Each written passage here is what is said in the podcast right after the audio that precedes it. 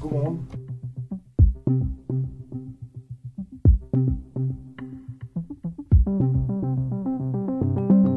Jeg vil meget gerne se på sådan noget med, øh, med, med niveauerne i forhold til telefonerne. Fordi der var nogen, der, der skrev derinde i går, at nogle gange så var niveauerne ikke helt rigtige. Ja.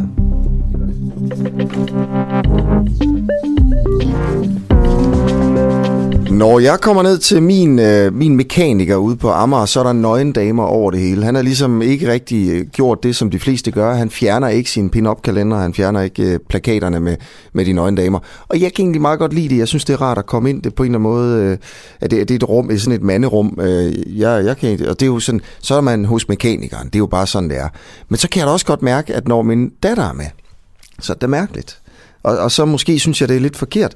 Og så havde jeg på et tidspunkt Pernille med min kæreste, og øh, så kigger hun op på væggen, og så hænger der en plakat øh, med, altså med sådan en, en, en dame med, med silikonbryster og spredt ben, og så står der så øh, Pernille, altså hende på, på og, og så blev det jo rigtig mærkeligt.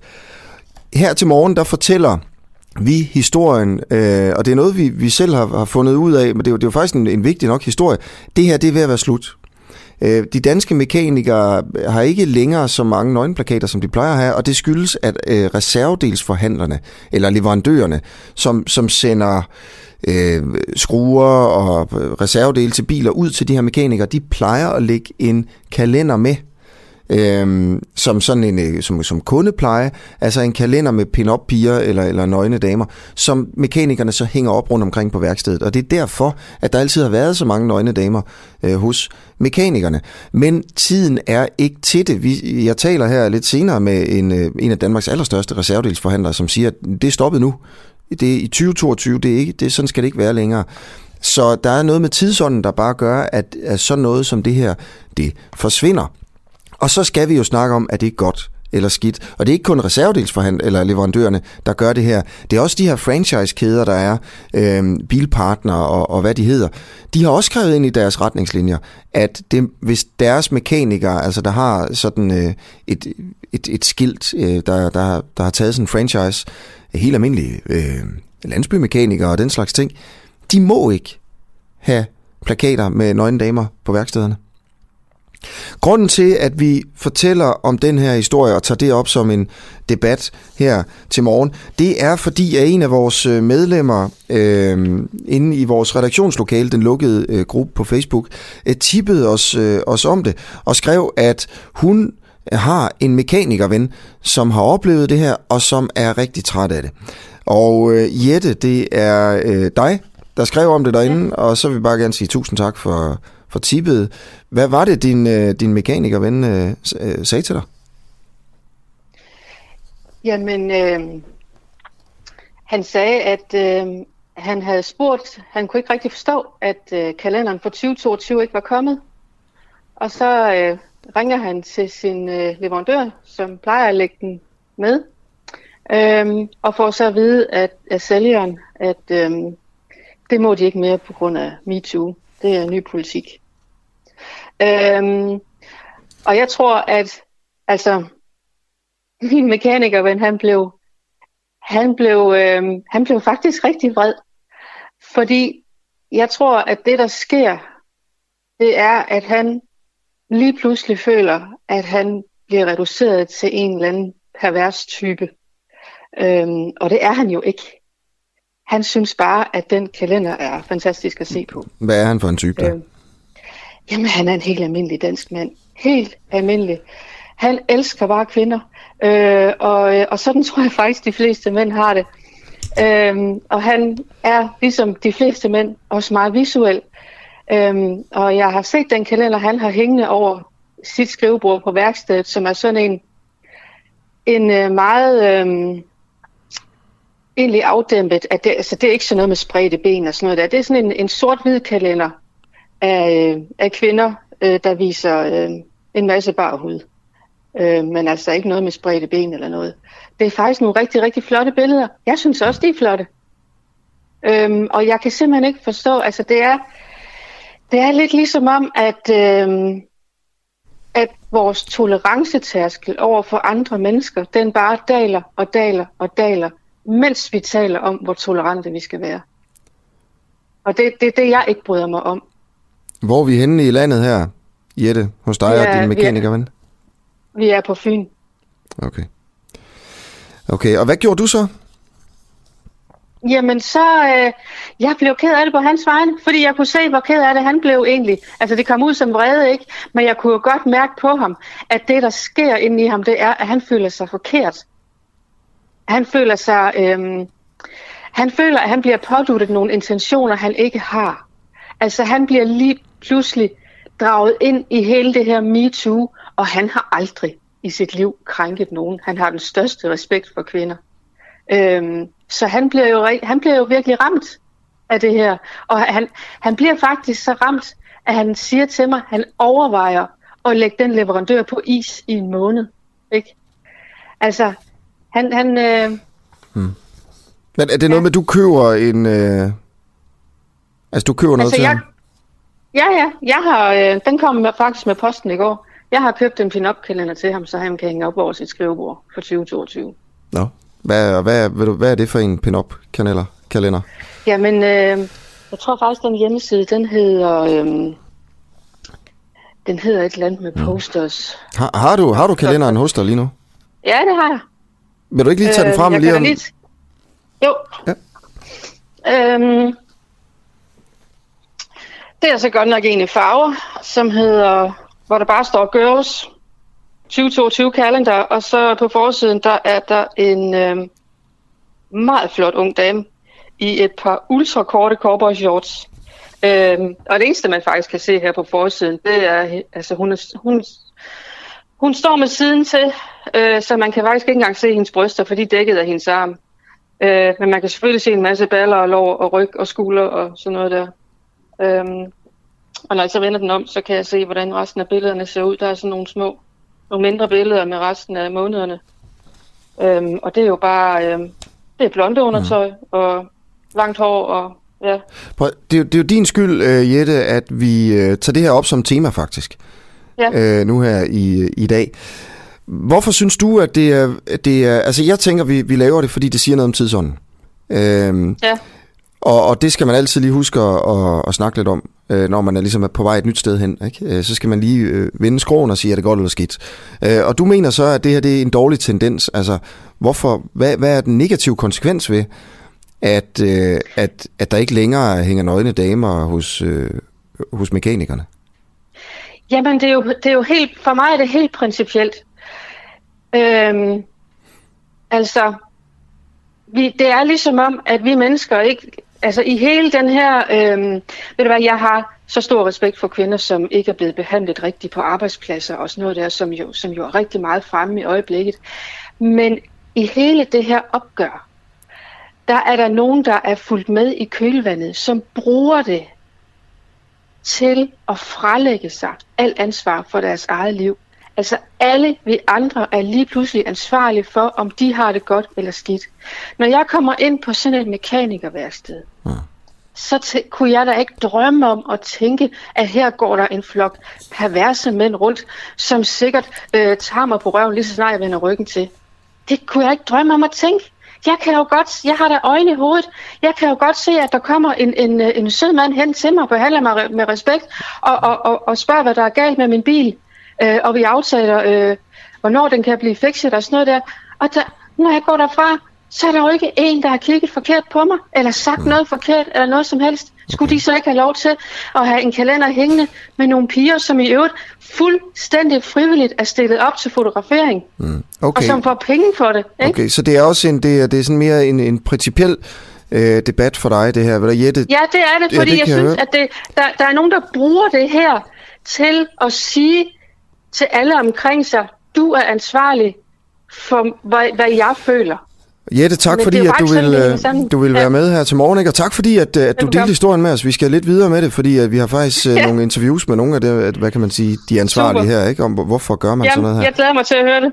Okay, og Jette her var altså, altså med i vores øh, redaktionslokale øh, inde på Facebook, en lukket gruppe kun for øh, medlemmer af den uafhængige. Hvis du tænker nu, at du også gerne vil være medlem og for indflydelse på journalistikken, så, øh, så kan du bare gå ind på hjemmesiden og, og skrive dig op som medlem. Det koster 39 kroner om måneden. Der er ikke nogen binding. Du kan sige det op lige snart du vil.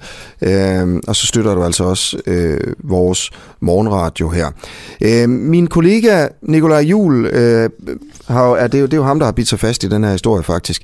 Øh, han har ringet rundt til forskellige mekanikere, og blandt andet Oles Autoservice på Samsø, der fortalte, at man ikke længere må have de her plakater hængende. Det skyldes, at han er med i en kæde, der hedder Din Bilpartner. Og de tillader simpelthen ikke længere, at der hænger sådan nogle plakater på, på væggene hos deres mekanikere. I stedet for, på Samsø, der hænger der billeder lavet af den lokale kunstner. Goddag, det er Hardy. Goddag, Hardy. Du taler med Nikolaj Jul. Jeg er journalist på det medie, der hedder Den Uafhængige. Nej. Goddag. Er det Oles Autoservice, jeg har fået fat i? Ja, det er. Fornemt. Uh, skal du høre, Hardy, jeg tænkte, om jeg lige må stille dig et par, et par korte spørgsmål. Øh, omhandlende hvad? Ja, men det, det handler simpelthen om de her øh, øh, sådan, sådan nogle plakater med, med let påklædte kvinder på autoværksteder. Ja. Øh, så vil jeg bare lige høre, om, om I har nogen hængende i øh, ved Oles Autoservice. Øh, det har vi ikke, det må vi ikke have. Det må I ikke? Nej. Nå? Hvem siger det? Det står i, øh, i, øh, i den øh, kæde, vi er med i. Okay. Hvad, hvad er det for en, øh, for en kæde? Din bilpartner. En gang til? Din bilpartner. Okay. Din bilpartner? Ja. Nå. Og der, der står simpelthen i, altså, i sådan et regelsæt, at I ikke må have, må have de her ja. plakater øh, Ja. og kalender hængende. Og der er heller ikke... Øh, øh, altså det der, så for nogle år siden, der kom der mange af de der repræsentanter rundt om, vi, vi får heller ingen af dem mere. Nej. Så det er ikke... Øh, det, det, jeg tror ikke... Ja, det ved jeg ikke. Der er selvfølgelig nok nogen, der laver dem, men det er i hvert fald ikke, som det var for 10 år siden.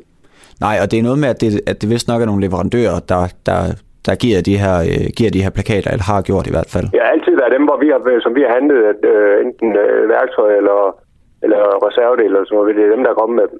Okay. Okay. Ja, og det, vi får ingen af dem mere. Nej. Er det, øh, er det godt eller skidt? Vil, vil, du, Øh. vil du for eksempel personligt gerne have, have en plakat hængende? Eller en kalender? Nej. Nej. Okay. Er der nogen andre på, på, på Oles, øh, Oles Autoservice, der, der er træt af, at de ikke får de her, øh, de her kalendere? Nej. Vi har et par billeder hængende ude på værkstedet af den lokale kunstner. Ja, øh, der er altså billeder øh, af den lokale kunstner i stedet for billeder af nøgne damer øh, hos den her mekaniker. Øh, og spørgsmålet her er selvfølgelig, om det her det er en god øh, udvikling. Der er et firma, der hedder Autoparts. Det er et af de helt store sådan, leverandører af reservedele, for eksempel til mekanikere i Danmark. Og det er altså dem, der plejer, det er de her leverandører, der plejer at komme med, med kalenderne og plakaterne af de nøgne damer. Og Autoparts mener ikke længere, at det er i tidens ånd og levere den årlige traditionsrige pin-up-kalender af let påklædte kvinder til sine kunder, altså mekanikerne. Nils Skak, øh, godmorgen. Godmorgen. Du er direktør for, øh, for Autoparts, øh, som jo er et stort firma. Jo. Øh, hvorfor har, har, har du taget den beslutning, at øh, der ikke længere skal være plakater med nøgne damer øh, med i forsendelserne? Jamen, vi har jo over en del år set et, et, et faldende forbrug øh, og interesse for de kalender, fordi det er jo nok en måde at fastholde, hvad skal man sige, at det er lidt mandehørm på et værksted og sådan noget. Og, og, og i tidens trend øh, er det jo ikke passende at have nøgne dame hængende fremme mere. Ja, hvorfor ikke det? Jamen, er det ikke hele MeToo, og, og, og, og der, der, der er med til at påvirke det? Altså, vi har bare set et faldende forbrug øh, og en faldende interesse. Øh, til gengæld har vi jo så mange andre kalender, øh, der kan bruges øh, konstruktivt øh, på værkstederne. Mm. Altså vægkalender til planlægning, og i dag er tingene næsten blevet mere elektronisk øh, med online booking osv. Ja. Øh, så, så behovet, det, det faktuelle behov har ændret sig. Mm. Øh, og så ser det altså ikke. Det, det, er ikke det er ikke tidens trend. Nej. Øh, man skal jo tænke på også, at et autoværksted er jo en seriøs øh, virksomhed. Øh, og, og man skal jo tro, at man ikke kommer til at fastholde et eller andet gammelt billede, som der var engang. Mm. Øh, så derfor er vi, øh, vi stoppet med at producere det, og flere af vores bagvedliggende leverandører øh, er også stoppet med det gennem tiden. Det er ikke inden mere. Nej. Øh, du er direktør for, for Autoparts, som sagt, som har 700 ansatte og filialer over hele landet. Et ordentligt, et ordentligt firma jo øh, er det her. Og det var jo faktisk det firma, altså som Jettes, øh, nu ved jeg ikke, om du hørte starten af udsendelsen, men, men en af vores lyttere, Jette, øh, ledte os jo sådan set på sporet af det her, fordi hendes ven var mekaniker, og han plejede at få en, en kalender af jer, men havde ikke fået det den her gang, og han blev godt tosset over det. Øh, og Jette synes også, det var forkert. Øh, men, men hvornår, hvornår altså, er I holdt op med at sende kalender ud? Nu bliver jeg lige i tvivl, om det, om det er... Altså, kalender til, til, hvad skal man sige, til planlægningsbrug og sådan noget. Det sender vi stadigvæk ud, men der var ikke nogen damer på mere. Øh, om det var i år, vi stoppede sidste år, det kommer jeg lige pludselig i tvivl om. Jeg tror, det kan godt ske det i år. Øh, det er jo altid noget, man planlægger øh, lang tid i forvejen, fordi det, det skal jo købes ind. Var det ikke sidste år, vi stoppede? Det kan jeg ikke lige huske på nuværende tidspunkt. Hmm. Men det er altså på grund af, af, af MeToo, øh, at, ja, øh, at det her stopper? Det ser ikke, det er ikke passende mm. at, at have, have sådan noget hængende. Nej. Ja. Øhm, hvor, hvor lang tid er det siden, du selv havde noget hængende? Uh, Hvis jeg har noget hængende, så er det i hvert fald hængt ude i garagen, så er det ikke hængt fremme. har du stadigvæk sådan noget hængende i garagen? Nej, nej. nej. nej. Hvad var det, du havde hængende i garagen? Jamen, øh, må det ikke, man har, jeg har nok haft sådan en øh, hængende på et tidspunkt, øh, men jeg har i hvert fald ikke haft de senere år. Det, nej. det, det, det er ikke... Øh, kan du prøve at sætte os ind i, hvorfor ja. hænger man det op? Altså, hvorfor hængte du sådan en op? Jo, men det var jo ligesom meget, fordi at, øh, vi fik produceret et stort stykke antal, øh, og jeg fik jo ligesom alle øh, vores kundeansvarlige sælgere øh, en, en, en, et antal at kunne dele ud af. Og øh, med tiden, så kunne man jo ikke komme af med dem. Og så var man jo for nær til at bare smide dem ud så hængte man dem op i håb om, at man nok kom af med dem. Mm. Det og det er ikke bare en dårlig undskyldning? Nej, fordi øh, jeg, jeg har aldrig haft en garage, hvor, øh, som sådan. Øh, så det var mere... Man stod med et over, overskud, og hvad skulle man lige gøre ved den i første omgang? Øh, og så håber man på, at man kommer af med den, der er jo betalt og produceret. Mm. Men øh, Okay. Niels Skak, øh, direktør for Autoparts, øh, tusind tak, fordi at øh, vi måtte tale med dig her, her til morgen, og vi kan jo altså så have, det, have en fortsat god dag, ikke?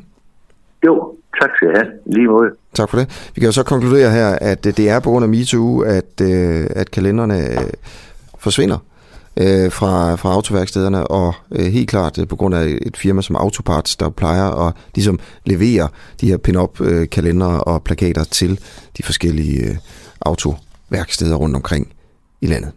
Velkommen til Næsby Auto. Tast 1 for Anders, eller tast 2 for Jan.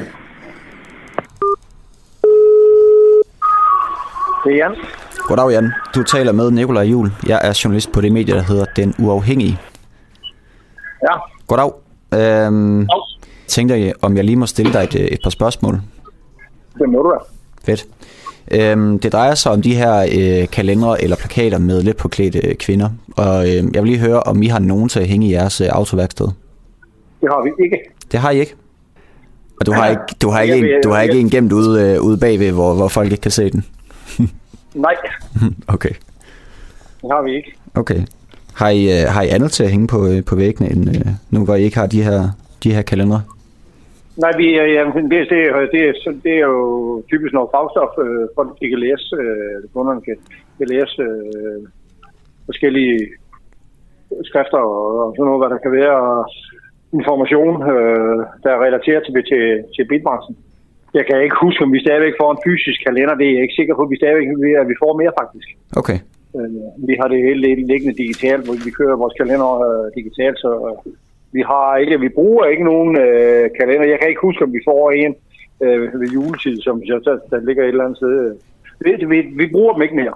Men de kan mere. Jeg, jeg kan ikke engang huske, at jeg har set sådan en øh, i senere år øh, fra nogle af leverandørerne. Det kan jeg ikke. Nej, okay. Det er ikke sådan, at vi, de, de kommer, så vi har blevet tilbudt og har sagt nej til den. Sådan er det ikke. Nej, okay. Og jeg er heller ikke, jeg, jeg er heller ikke, altså, har heller ikke brokket over, at de ikke kom, øh, de ikke kom længere ind ad døren, de der, de der kalendere? Nej, nej, nej, nej, for jeg synes ikke, det hører til her længere. Nej, okay. Hvorfor, øh, hvorfor synes du ikke det? Nej, det synes jeg ikke. Jeg synes, at når vi kører til Øres værksted og så videre, så synes jeg ikke, at det, det hører sig til og det hører sig til andre steder. Men det behøver ikke at være her. Nej. Så hvis der kom en... Øh, hvis du fik ansat en ung, ung mekanikerlærling, der gerne ville have hængt en, øh, en kalender op, så vil du, så vil du sige, at det, den går ikke, den går ikke, kammerat. Ja, ja, ja, det vil Okay. jeg. Okay. Så kan det hænge ud i omklædningsrummet. Ja, godt. Øh, klokken er 20 minutter over syv. Jeg skal også lige sige sådan en ordentlig godmorgen, og øh, det her, det er øh, vores, vores tophistorie her i dag. Og øh, øh, Øh, hvis du synes, det er, for, det er for fjollet og for, for en lille historie, så er det selvfølgelig også fint nok. Øh, jeg synes faktisk, det er en rigtig spændende historie.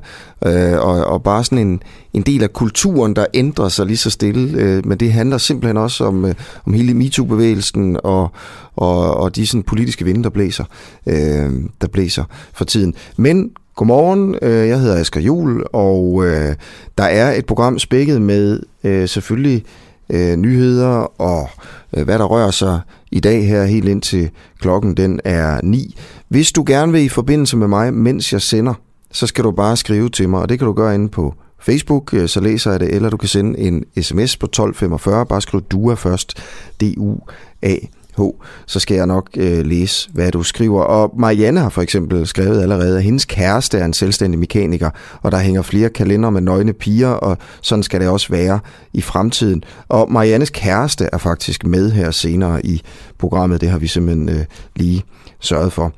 Øh, så vil jeg også sige, at... Øh, du kan, øh, du kan, øh, vi har en julegave øh, idé til, til alle, der har lyst til at give øh, et øh, medlemskab af den uafhængige til en anden i julegave. Hvis du synes, det kunne være en interessant julegave at give til nogen, du kender, nogen i din familie eller nogle venner, så vil det hjælpe os selvfølgelig. Det er jo derfor, vi siger det. Det er sådan en eller anden form for lille reklameindslag, jeg siger nu.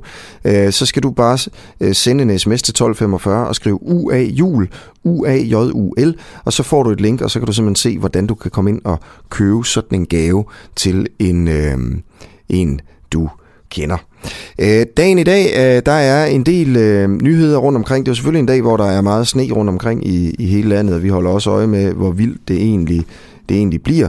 Øh, men øh, det er jo klart, øh, også bare her, hvor jeg sidder, der, da, jeg, da jeg tog ind i morges, øh, var der masser af sne og sjap på vejene i, øh, i København, og jeg kan forstå, det er endnu værre i Nordjylland, øh, hvor øh, der jo for eksempel er nogen, der er, der er overnattet i øh, IKEA, i Aalborg, fordi de ikke kunne komme hjem, og så øh, var det, endte det faktisk åbenbart med at blive en rigtig hyggelig aften, hvor man spiste kanelsnegle og sov i, øh, i, øh, i sengene i IKEA. Øh, der er også nogle øh, 300 passagerer måtte overnatte i lufthavnen i Aalborg faktisk, på grund af, af sneværet. Øh, og øh, dem, der overnattede i IKEA, altså det var 27 personer, det var 6 kunder og 21 ansatte. Øh, og øh, det skulle have været rigtig, rigtig hyggeligt, fortæller de til, til medierne. Øh, nogle historier fra øh, en historie fra udlandet. Mobning, det bliver nu strafbart i de franske skoler. Øh, det skriver DR.dk her til morgen. Øh, man vil simpelthen gøre så meget altså gøre, en, øh, gøre noget mere for at stoppe mobning i skolerne, som er et stort problem, både i Frankrig og øh, i Danmark, og så kommer med, med et helt nyt øh, lovforslag. Øh, det skal blive strafbart med helt op til tre års fængsel og mobbe andre øh, elever. Det er ikke noget, der er endegyldigt vedtaget endnu, men øh, det kan komme til at gælde fra februar. Jeg er lidt i tvivl om, og det melder historien ikke rigtig noget om, øh, altså om man skal give børn tre års fængsel for at mobbe andre elever, det, det er jeg helt sikker på, at det, det skal man ikke. Men altså en eller anden form for, for straf skal der i hvert fald øh, være her. Øh, en anden lille nyhed, der er fremme, øh, det er Jyllandsposten, der siger, at der er ikke nogen sygeplejersker, der har sagt op på Aarhus Universitetshospital i hvert fald. Øh, der har ellers været varslet sådan en masse opsigelser i protest fra øh, ledende sygeplejersker, der siger, vi har fået nok, vi har, vi har fået ikke mere i løn, der bliver ikke gjort noget, så nu siger vi op, og de tænkte, hvis der var en masse, der sagde op samme dag, så kunne det være, at man, man øh, ligesom kunne komme igennem med noget, og det skulle så være den 30. november, altså i forgårs. Øh, og der er Luca Pristed gik foran, og, og den, den markante sygeplejerske, så sagde han op. Men der er altså ikke nogen, der har fulgt efter ham, i hvert fald ikke på Aarhus Universitetshospital. Hver eftermiddag, mandag til torsdag fra 16 til 18, kan du her på Den Uafhængige ringe direkte ind til vores værter, hvis du mener, at de tager fejl i deres påstande. Det her emne her, det er så vigtigt, og det er så stort en, en slagmark, at, at den kommer vi ikke udenom. Men det, det er jo det, der er fantastisk, det er, at vi kan tale demokratisk. Lige nøjagtigt, og det er det, er jo det. Er det. Det, det, og er uenige eller, eller enige om. Lige nok. Præcis pointen med det her program, det er jo, at vi skal, vi skal have talt om tingene. Også os, der er uenige. En ny påstand i hver udsendelse. Der er ingen sluser eller lyttercensur. Du kommer direkte igennem, og alt er tilladt, så længe du er uenig. Nu, nu siger noget sådan meget direkte. Jeg, altså, nu har jeg prøvet både, både at have folk, der øh, øh, synes, jeg er en kæmpe idiot, øh, og så har jeg også prøvet at få nogen på hovedet. Jeg har været dørmænd i 10 år. Jeg, jeg har fået øh, rigeligt rigelig med øh, knytnæver til ansigtet. Var det godt, eller øh, var det måske ikke så godt, da de danske frømænd forleden skød og dræbte fire pirater i havet ud for den vestafrikanske kyst? Øhm, det var faktisk helt okay, det mente ham, jeg talte med i går, journalist på mediet Olfi, den tidligere konstabel på den samme fregat, som altså angreb piraterne. Han hed Kasper Junge Vester. Men hans chef, fra det samme medie mener noget andet. Og det her, det er en interessant og en vigtig historie. Øh, Peter Anstved Rasmussen, du har også militær baggrund, og du er dybt uenig med dine egne medarbejdere. Godmorgen. Godmorgen. Godmorgen. Øh, vil du prøve at, at ligesom rekonstruere, hvad, hvad vi ved om, øh, om tilfangetagelsen af de her, og, og, og drabet på de... Altså det var jo sådan, man, man dræbte fire pirater, og så tog man fire til fange. Hvad var det, der skete øh, ved, ved kysten ud for Vestafrika? Altså, der sker jo det, at øh, fregatten Esbern Snare øh, begynder sin øh, opgaveløsning i Guinea-bugten, og der kommer efterretninger om, at øh, der er et mistænkeligt fartøj i farvandet 30 sømil, som jeg forstår det, syd for Nigerias territorial farvandsgrænse. Det er helt op i hjørnet af det, man kalder Guinea-bugten, altså inde i krogen af, af Vestafrika. Og der sender man så først øh, fregattens helikopter, en Seahawk-helikopter afsted, for at øh, ligesom undersøge, hvad der er i det. Og den spotter denne her båd, som åbenbart er på vej til et område, hvor der befinder sig en række handelsskibe, blandt andet et hollandsk handelsskib.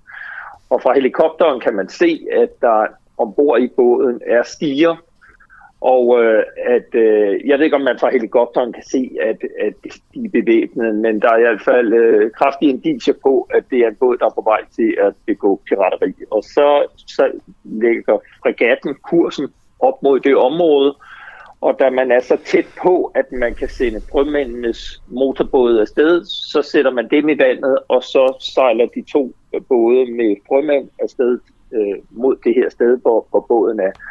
Og det, der så sker, det er, at man ønsker at stanse båden for at inspicere den. Og det, vi må forstå, det er, at man, man kalder, prøver at kalde båden op på en radio. Vi ved ikke, om de har radio ombord. Vi ved ikke, om de hører øh, kaldet fra, jeg forstår, det kommer fra Esbern Snare. Øh, den sejler videre båden, og så er det, at man affyrer varselsskud.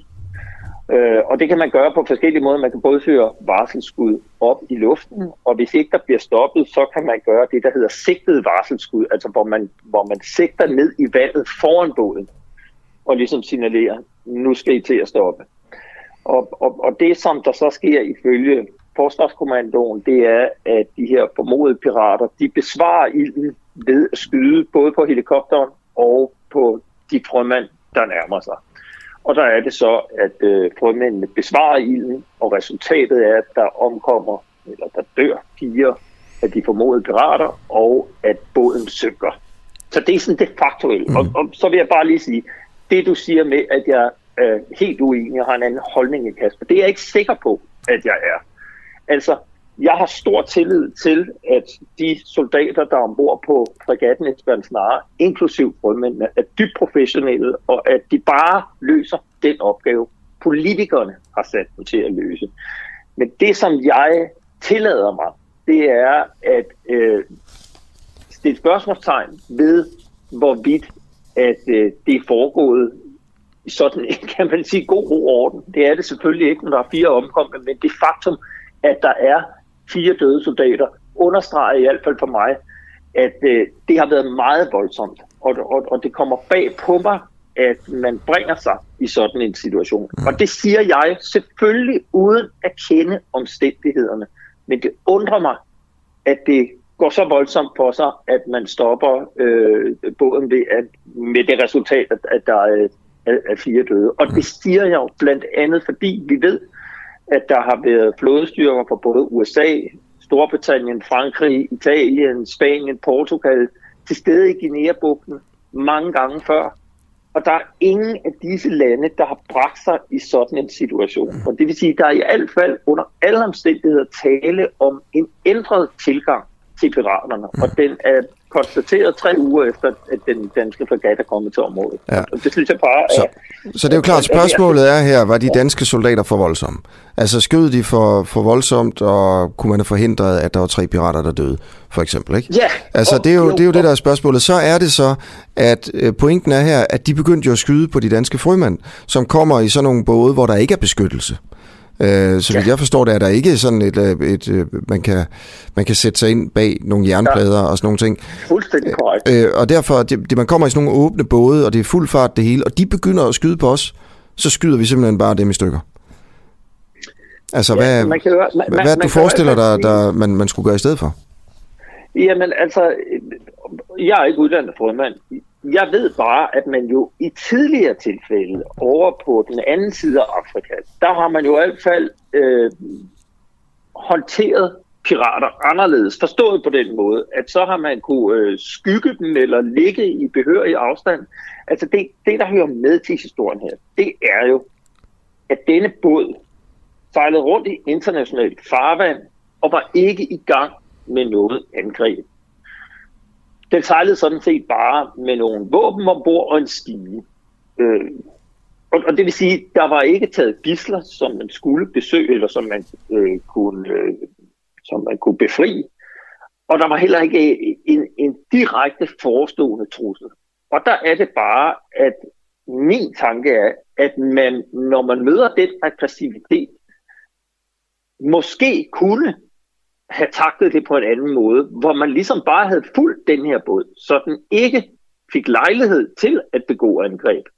Og så kunne man på et eller andet tidspunkt, når man kunne komme tættere på, eksempelvis i ly af mørket, skyde motoren i stykker. Eller man kunne have gjort meget andet. Altså det virker bare på mig meget voldsomt, at man sejler ind på en afstand, hvor det kommer til sådan en konfrontation. Og jeg er med på, at der rent juridisk er fuld grundlag til at bede båden om at stoppe. Og når den returnerer inden den ved at skyde direkte på de danske soldater, så er de deres fulde ret til at i selvforsvar at beskyde dem, der skyder dem. Og dermed tror jeg ikke som sådan, der er noget som helst juridisk at komme efter. Jeg spørger bare, kunne man have gjort det på en anden måde, så man havde undgået den her situation? Og svaret, det har vi selvfølgelig ikke øh, endnu, men uh, tak fordi, at du vil, uh, du vil komme med, med bekymring og spørgsmålene her i, i vores morgenradio, Peter Einsted Rasmussen. Du er velkommen. Okay. Og det er altså stifter og chefredaktør på Forsvarsmediet, uh, Olfi, der, stil, der stillede de her uh, vigtige, uh, vigtige spørgsmål. Godt, øh, klokken den er lidt over halv 8. Om cirka et kvarter skal jeg tale med Allan Randrup, der er biolog ved det Sundhedsvidenskabelige Fakultet på Københavns Universitet. Han siger nu, at flokimmunitet det er en illusion. Vi kommer aldrig til at få det med, med corona. Øh, hver gang, at øh, vi er ved at få det, jamen så holder øh, vaccinerne op med at virke, eller man kan, immuniteten forsvinder, og så kan man få det igen. Hvad i alverden skal alt det her ende med? Men øh, inden da skal vi lige smut til den polske, øh, hvide-russiske grænse. Et lige nu fuldstændig øh, forfærdeligt sted. Vinteren er jo kommet øh, til, til stedet, hvor der er så mange migranter, som opholder sig under umenneskelige forhold. Og øh, altså, det er jo det her med, at øh, diktatoren i Hvide Rusland, Lukashenko, han... Øh, Jamen, han, har, han har jo simpelthen sørget for at få fløjet afghanere og irakere ind øh, for at så sende dem mod EU's øh, ydre grænser for at lægge pres på, på EU og destabilisere EU. Og det har jo, det, det har jo virket, øh, i hvert fald på den måde, at det har stillet os i EU i en kattepine. Hvad skal vi gøre? Skal vi åbne grænserne, lade dem søge asyl? Som loven jo faktisk tilskriver, at vi skal. Altså når folk kommer, så skal man sige, øh, hvis de beder om asyl, så skal man jo lade dem få behandlet deres asylsag.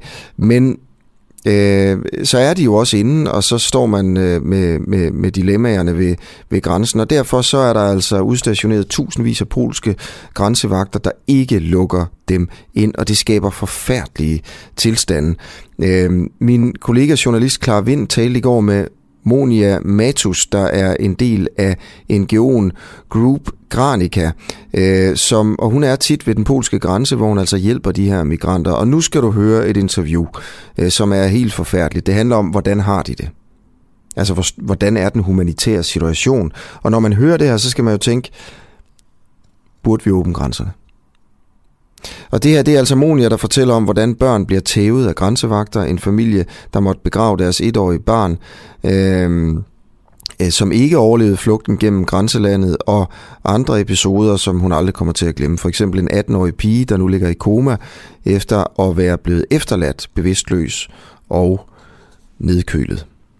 A family told us uh, that uh, they had uh, one year old baby and the baby didn't didn't survive. Like uh, we don't know exactly what happened because they said they buried the baby in, in somewhere along the road in the in the forest. But you know, and people tell us also, and that's very logical, that there are many more bodies on the Belarusian side because I mean it's weeks in the cold, in the in the very dense, heavy forest, which is like you know there are swamps and huge fallen trees and uh, wild many wild animals, etc. It's like refugees actually call it a jungle.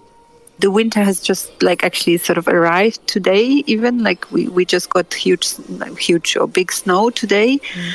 Uh, and the frost. Uh, so we are kind of expecting people to be in a, in a, in a even rougher shape than before. And what what are they most scared of? Well, they are when we meet them on the Polish side, uh, they are the mostly they are scared of uh, being pushed back to Belarus, and they are generally they are absolutely terrified of everything because they have been in the forest for many days. Mm. They were on the Belarusian side, which where there, there, there are horrible conditions, and you know they get beaten up, threatened with arms. Uh, By who? By Belarusian forces, uh, beaten by dogs, uh, you know. So basically, they are brought in, in Belarus, right? They mm. fly into Minsk usually, and then they are brought by buses to the border. Mm. Uh, and left there. With usually with some guards like uh, you know um, either the border belarusian border guards or some sort of special forces or like militia we don't know. Sometimes sometimes people say these are not uh, they don't have uh, formal uniforms and then they stay there.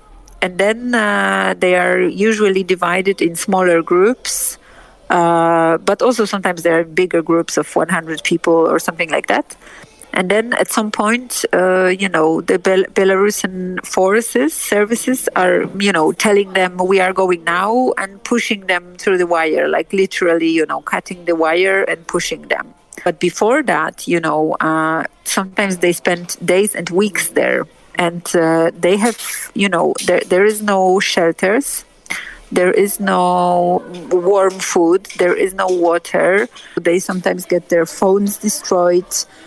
When they ask for things, they are quite often, you know, harassed or yeah, beaten up. There is uh, if they if they complain, right, or mm. if they try to run away or something you know, and then they are pushed into the Polish side, and then they try to sneak through um, and uh, go further to Germany or you know wherever they want to go. But uh, then it's a new game. So you know they are already absolutely terrified uh, when we meet them of everybody. And, and the children are they being pushed or beaten or anything? Yes, of course, as well. Yes. By the border patrol. Of course. Mm-hmm. Okay. You know how many people have, have died this past week?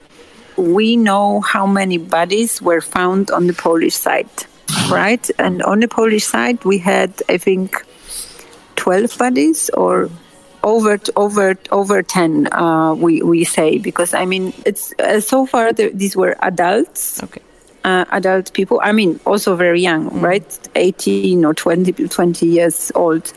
Which stories have touched you the most?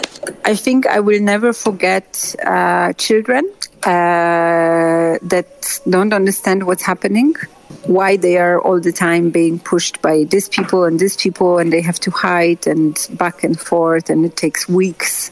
Uh, I will never like. I, I will always remember that.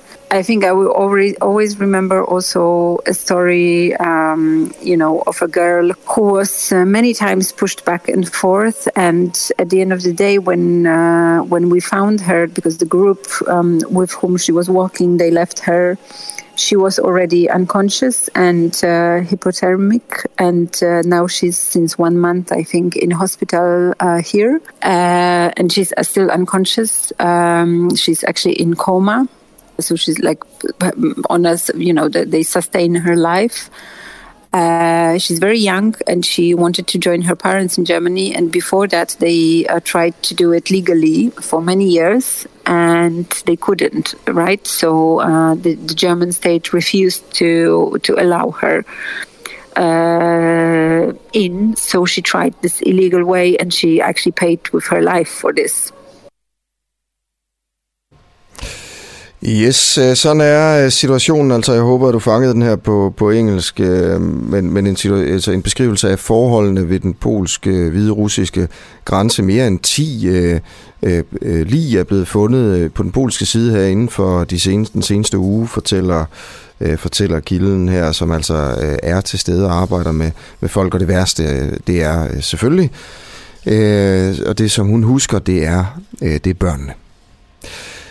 Der er kommet en sms her, øh, Asger, hvorfor bliver du konsekvent ved med at kalde menneskerne i de her intimistiske lejre for migranter? Hvilken dokumentation har du for det ordvalg, og er det ikke flygtninge, som mange eksperter øh, mener? Og øh, tak for tak for sms'en her, som er kommet ind på 1245. Øh, øh, bare ved at skrive DUA først, det er UAH, og så beskeden. Øh, altså mit svar til det her er vel, at øh, jeg tænker, at alle, der flytter sig over øh, grænser, er migranter. Øh, nogle af migranterne er, er flygtninge, og, øh, og andre øh, er, kan man ikke betegne som, som flygtninge, men folk, der leder efter, efter arbejde. Øh, det er jo sådan set bare, når man migrerer øh, fra et sted til et andet, så, så, så er man en migrant, øh, og, og det er fuldstændig rigtigt, at, øh, at man kunne også øh, kalde dem så, øh, nogle af dem i hvert fald for, for flygtninge, men hvor mange der ligesom har, har ret til at opnå flygtningsstatus, det er der jo ingen af os, der, ved, der, der, der aner noget som helst om, og derfor så tænkte jeg bare, at, at migranter ligesom øh, dækkede, dækkede det hele. Men tak for, tak for kritikken ellers her. Her til morgen, der, der fortæller vi, at øh, nogle af de store reservedelsfirmaer i, i Danmark er holdt op med at sende nøgenkalendere med, øh, når de sender reservedel ud til mekanikerne i, i landet. Og nogle af de store sådan, mekaniker-franchise-selskaber, øh, øh, de, er, de har simpelthen sagt til deres mekanikere rundt omkring i landet, at de ikke må hænge plakater op eller kalender op med, med nøgendamer. Det er jo ellers sådan en tradition, der har været på mekanikerværksteder i mange, mange år, at øh, når man kommer ind, så hænger der øh, nøgendamer rundt omkring. Og en af de helt store øh, øh, selskaber, der har holdt op med at lægge de her kalendere med i, i forsendelserne, øh, fortalte til mig her for 20 minutter siden, at det er på grund af MeToo, det er på grund af tidsånden. det er ligesom ved at være øh, slut med, med den slags ting. Hvad, hvad tænker man om sådan noget her? Er det en god ting? Altså vil du gerne, når du kommer ind hos en mekaniker, udsættes for nøgne damer? Skriv ind til mig 1245, skriv du er først, eller øh, så gå ind på Facebook og send mig en besked derinde. Det er der jo flere, der har gjort. Blandt andet Marianne, der skriver, min kæreste er selvstændig mekaniker, og der hænger flere kalendere med nøgne piger, og det skal der også i fremtiden. Og Åge, det er jo dig. Godmorgen. Ja, godmorgen. Godmorgen. Hvor er det, dit øh, mekanikerværksted øh, ligger henne? Det ligger lige lidt uden for Odense, på Fyn. Og hvad er det, der hænger på væggene? Jamen, det er rigtigt. Der hænger et par, øh, der hænger et par rigtig pæne piger på nogle kalendere. Ja, hvad er det for nogle... Øh, hvordan ser det ud? Jamen, det er, jamen, det er noget forholdsvis uskyldigt. Øh, det er jo bare vores øh, leverandører, som der øh, tidligere har leveret nogle, øh, nogle, øh, nogle, nogle, nogle kalendere, hvor, øh, hvor, hvor, hvor der er nogle pæne piger på. Og øh, det har vi selvfølgelig hængt op på, øh, på selve værkstedsdelen. Øh, I vores øh, venterum, og vores, øh, hvor, hvor kunderne kommer og kontoret, øh, jamen der hænger ikke nogen øh, nøgne piger nogen steder. Men på øh, selve værkstedet, hvor vi, øh, hvor vi hvad hedder det, reparerer bilerne, jamen det er rigtigt, der hænger et par kalender med, øh, med et par, øh, par bare damer der. Har I egentlig øh, kvindelige øh, praktikanter eller kvindelige ansatte? Ja, det har vi faktisk også haft. Nå, Vi har ikke kvindelige ansat nu, men vi har haft øh, øh, kvindelige praktikanter. og hvad er de sagt til? Og, jamen, de har ikke øh, sagt noget. De har faktisk bare øh, smilet lidt af det, og øh, øh, øh, ja, har sådan set, øh, det, har, det har gået på øh, rigtig fornuftig vis. Har du, har du overvejet at hænge øh, nogle nøgne mænd op? Øh, ja, det vil jeg sige, det afholder jeg mig ret kraftigt fra, fordi det, det, det synes jeg ikke rigtig øh, passer ind i, i, i min butik. Og det er nu ikke fordi, at øh, den er overklistret med alt det der, men, men, men øh, det har nu altid været sådan, at hvis man laver nogle lidt, lidt, lidt pæne biler og har lidt med motorsport at gøre, jamen øh, så plejer der også altid at være nogle pæne piger med. Mm. Øh, øh, og der er jo mange måder at, øh, at, at, at tage, og øh, de billeder er taget af også og på af de damer. Hvad mener du? Ja, men der er mange måder at tage et billede på. Øh, om, om, om, om, om det er en, en, en, en, en forholdsvis bare dame i, øh, i, noget, i noget pænt øh, badetøj eller noget, øh, synes jeg er fuldstændig ok. Jo. Øh, det er jo ikke øh, midtersiden af et pornoblad, der er hængt op som kalender mm. på værkstedet. Øhm, spørgsmålet er, om tiden er løbet fra det her. Øh, og øh, øh, MeToo er, er jo kommet, og du skal også tænke på, hvilket kvindesyn det her det signalerer over for dine medarbejdere og de kvinder, der også kommer på værkstedet. Øh, Ja, det er klart. ja. Så hvad er det for et kvindesyn, syn, du signalerer over for de kvinder, som kommer på værkstedet? Jamen, jeg tror ikke, jeg signalerer noget kvindesyn. Jeg, øh, det, det, det, det, som øh, det handler om det her for mig, det er vel... Kvinder er bare, sexobjekter. At, øh, nej, det vil jeg ikke sige, det er, men øh, hvor meget forskel er der på en, en pæn mand, eller en pæn dame, eller en pæn bil? Hvad er forskellen på en pæn bil og en pæn dame? Jamen, altså, det er jo, der, det er jo, der, det er jo derfor, de er kommet jo. Det er jo derfor, at øh, øh, du kan tage Pirelli, ikke også? De laver nogle, øh, nogle, nogle eller har i hvert fald lavet nogle, øh, nogle, nogle pæne kalender, ikke også? Det var jo bare sådan, det altid har været. Og det er da rigtigt, at øh, det hele det måske bliver øh, i kraft af MeToo, men der er jo så også nogen af os, der synes, at MeToo det er at tage lidt overhånd. Er du en af dem? Ja, det er jeg. Meget. Nu øh, begynder øh, de forskellige reservedelsforhandlere jo at lade være med at lægge nøgenkalendere i forsendelserne. Det ved jeg ikke, om du har opdaget. Jo, det kan du tro, vi har. Nå, hvad gør du så ved det? Jamen, jeg gør ikke noget overhovedet. Hvor får du din kalender fra? Jamen, det er jo gamle kalendere. Der er jo ikke nogen, vi får ikke nogen nye kalender med det. Der hænger øh, selvfølgelig en, en, en, en, ældre kalender fra, øh, fra, hvad hedder det, fra, øh, ja, både fra øh, Autoparts og fra, og fra FTZ, ikke også? Og, mm. og sådan er det jo. Okay. Og, øh, og det er jo ikke noget, vi, øh, det er jo ikke noget, vi skal opskalere på nogen måder, eller lave en stor sag ud af. Jeg synes bare, at, øh, at øh, fordi der hænger et par øh, pæne damer, øh, som, øh, som, som, som der altid har gjort, jeg synes ikke, det, det, det kan jeg ikke se, det gør så meget. Aarhus, det er Niklas. Goddag, Niklas. Du taler med Nikolaj Jul. Jeg er journalist på et medie, der hedder... Undskyld, der kom lige en, øh, en lyd på her. Men ved du hvad, tusind tak, fordi du vil være med, Ove, ikke også? Jamen, øh, det var så lidt. Ja, og øh, have en god dag på værkstedet. Hej, Ja, hej. du. Hej, hej. Hej, hej. Det er det klip, jeg vil spille nu her. Det er et øh, klip, som min kollega Nikolaj Jul har lavet. Han har ringet rundt til flere forskellige mekanikere. Øh, der, er en, der er en mekaniker i Horsens, øh, hvor mekanikeren tæller sig frem til et øh, par stykker. Øh, et par kalender, der dog ikke hænger, hvor kunderne kan, kan se dem. Og et andet sted i Nørre Nebel i Vestjylland, eller Nørre Nebel, eller hvad man siger, hvor det er også er svært at finde frem til øh, de afklædte kvinder. Tiderne er skiftet, får vi at vide. Aarhus, det er Niklas. Goddag, Niklas. Du taler med Nikolaj Jul. Jeg er journalist på et medie, der hedder Den Uafhængige. Ja. Hej. Um, Hej. Skal høre, jeg står lige i et studie og, og, og bonder til udsendelse. Jeg tænkte, om jeg lige må stille dig et, øh, et, et par spørgsmål. Ja. Godt tænke mig at spørge, har I plakater af sådan nøgne kvinder på værkstedet? Øhm, nej, det, det har vi faktisk ikke. Det har vi faktisk ikke.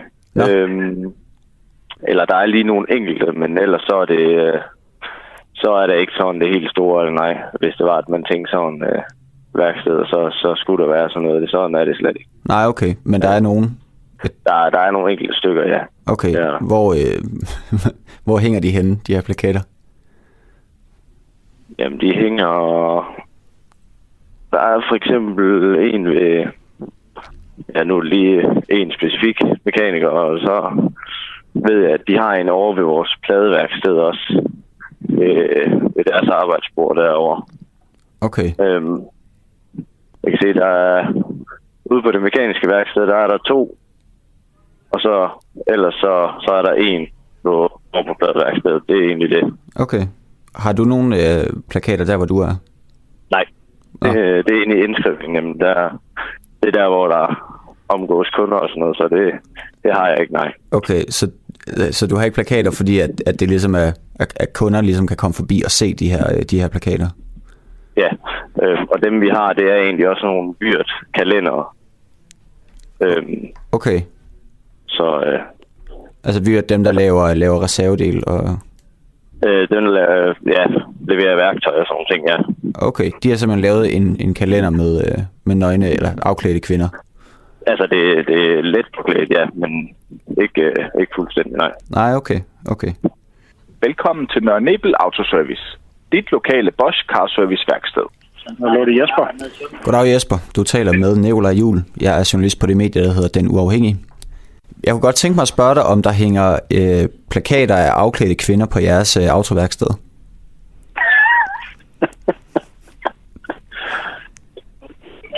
Det gjorde der engang. Det gjorde der engang, men det gør der ikke længere. Ja. Ej, og, det, og, hvis, og dengang, der har gjort det, der har det ikke hængt, så, så det jo noget, kunderne kunne se. Okay. Men hvorfor, hvorfor hænger, er der ikke plakater længere, når kunderne ikke kan, ikke kan se dem alligevel? Jamen, de der plakater der, det har jo noget at gøre med, det er jo leverandører, der kommer med de der plakater. Det er jo egentlig ikke noget, vi gør noget, værkstederne har gjort noget for at få fat i. Det er jo nogle leverandører, der kommer med det. Okay. Og det, det, trenden har ændret sig. Nu får vi øh, plakater med for eksempel med gamle klassiske biler eller, så- eller andre ting. Okay. Hvad, hvis, hvis, hvis, hvis du selv skulle vælge, ville du så helst have en afklædt kvinde eller en veteranbil hængende? Ja, men jeg vil da, hvis nu interesserer mig for biler, så jeg vil lige så gerne have biler der hænger. Okay, men du er interesseret også for kvinder? Det, ved jeg ikke. ja, det er sgu ikke noget, jeg lægger mærke til. Nej, okay, okay. Det, men det, det, det er der så sikkert nogen, der gør. Altså, nu er jeg også 50, ikke? Så Jo. Men altså, det, det, det, det, det kan godt være, jeg gjorde det mere end en gang. det ja, ja, klart. Da du var, da du var en, en yngre mand. Du er stadig ung, jo. ja, selvfølgelig er der altid nogen, der godt vil det. Men jeg kan da huske, at hvis de så hang det, det er jo ikke noget folk, de så gik og bladede i. Altså, det, er jo, det er jo bare hørt sig til igennem mange, mange år, ikke? At, at det har været på nogle værksteder, men Ja. ja. det er ikke noget, vi ser længere. Nej, okay. Men det er simpelthen fordi, at... På et tid, tidspunkt så vi også, der kom nogle, blev der faktisk lavet nogle kalender til, til kvinderne også. Okay. Til de, Så mange, nogle, til de mange kvindelige mekanikere. Så var der nogle uh, let afklædte brandmænd og sådan nogle ting. Okay. Uh, det er også set. Og det- Men det er også i nyere tid, ligesom du ved, for at gøre lidt op med eller ligestilling, eller hvad ved jeg. Mm. Så det, altså, det er simpelthen fordi, Ja, ikke der- ikke længere giver de her, øh, de her plakater. Ja, det er ikke noget, du skal... Altså, det, er, ikke- det er ikke det længere. Nej, okay. Det er, heller- det er, heller ikke, det er heller ikke noget, man opsøger. Nej. Og det er jo bare noget, der kom af sig selv før. Det var ikke... Det var bare... Det, det var trenden, tror jeg. Ja, Ja, okay. okay. En leverandør kunne uh, levere en pænere kalender end den anden, eller hvad det er. Ja. Så det er simpelthen, altså, du har ikke på et tidspunkt brokket dig over, at, at der ikke kom en, en, en plakat Nej. med afklædte kvinder? Nej, okay. Nej. Men nu havde jeg så også nogle også kvinder ansat på min arbejdsplads, ikke, som, og, som så egentlig synes, det var meget hyggeligt, at, at der kom med mandemodellen på det tidspunkt, at de også kunne få den. Ja, okay, okay. Men hvad, hvordan havde de det med, med, med, med kvinde, Men kvindemodellen? det er jo altså ikke, at det har ikke været, altså i hvert fald dem, som, som vi har haft adgang til tidligere, det har ikke været kvinder helt uden tøj. Altså. Nej, nej, nej, nej. Næsten, næsten uden tøj. Ikke? Ja, ja. Men, Men trenden nu, det er for eksempel nogle gamle fine biler, eller, eller lignende ting, eller Ja. det kan være noget gammelt værktøj, eller hvad det er. Okay. Damerne, det, det, kom, det, det er lidt ved at være passé, synes jeg. Okay. Kan du huske, hvornår det sådan begyndte at, øh, altså, hvornår I ikke længere fik de her, de her plakater? Nej, det ved jeg. jeg ved ikke, om det er indenfor. Det er jo noget, der er, der er rykket sig en del inden for de sidste fem år i hvert fald.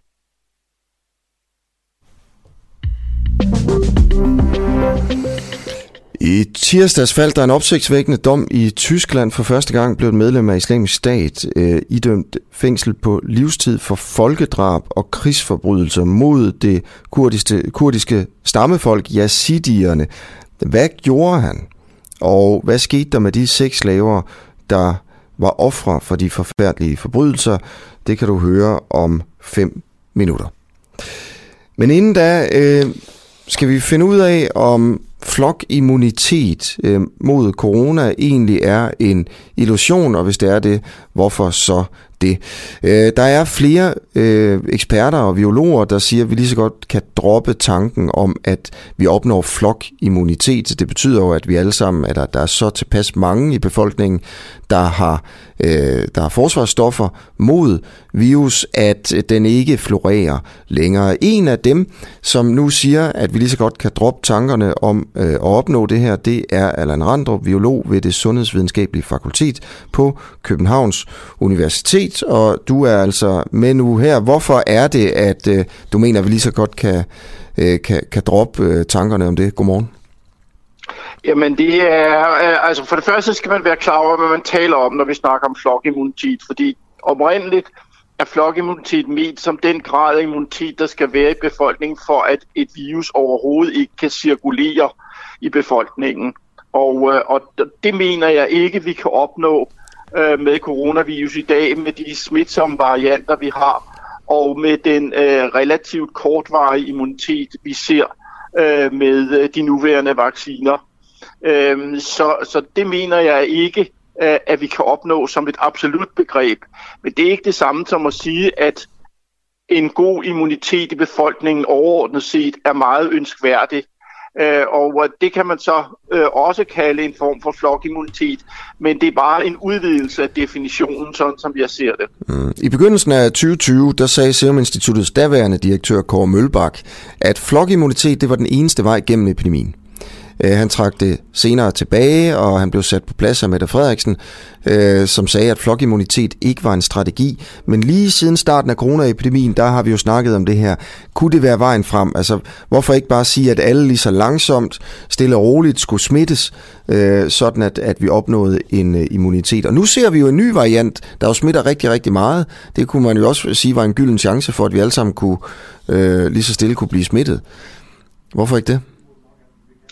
Jamen altså, det, det, det er det også. Problemet er jo bare, at, at, at flokimmunitet som oprindeligt begreb betød, at et virus overhovedet ikke kunne cirkulere.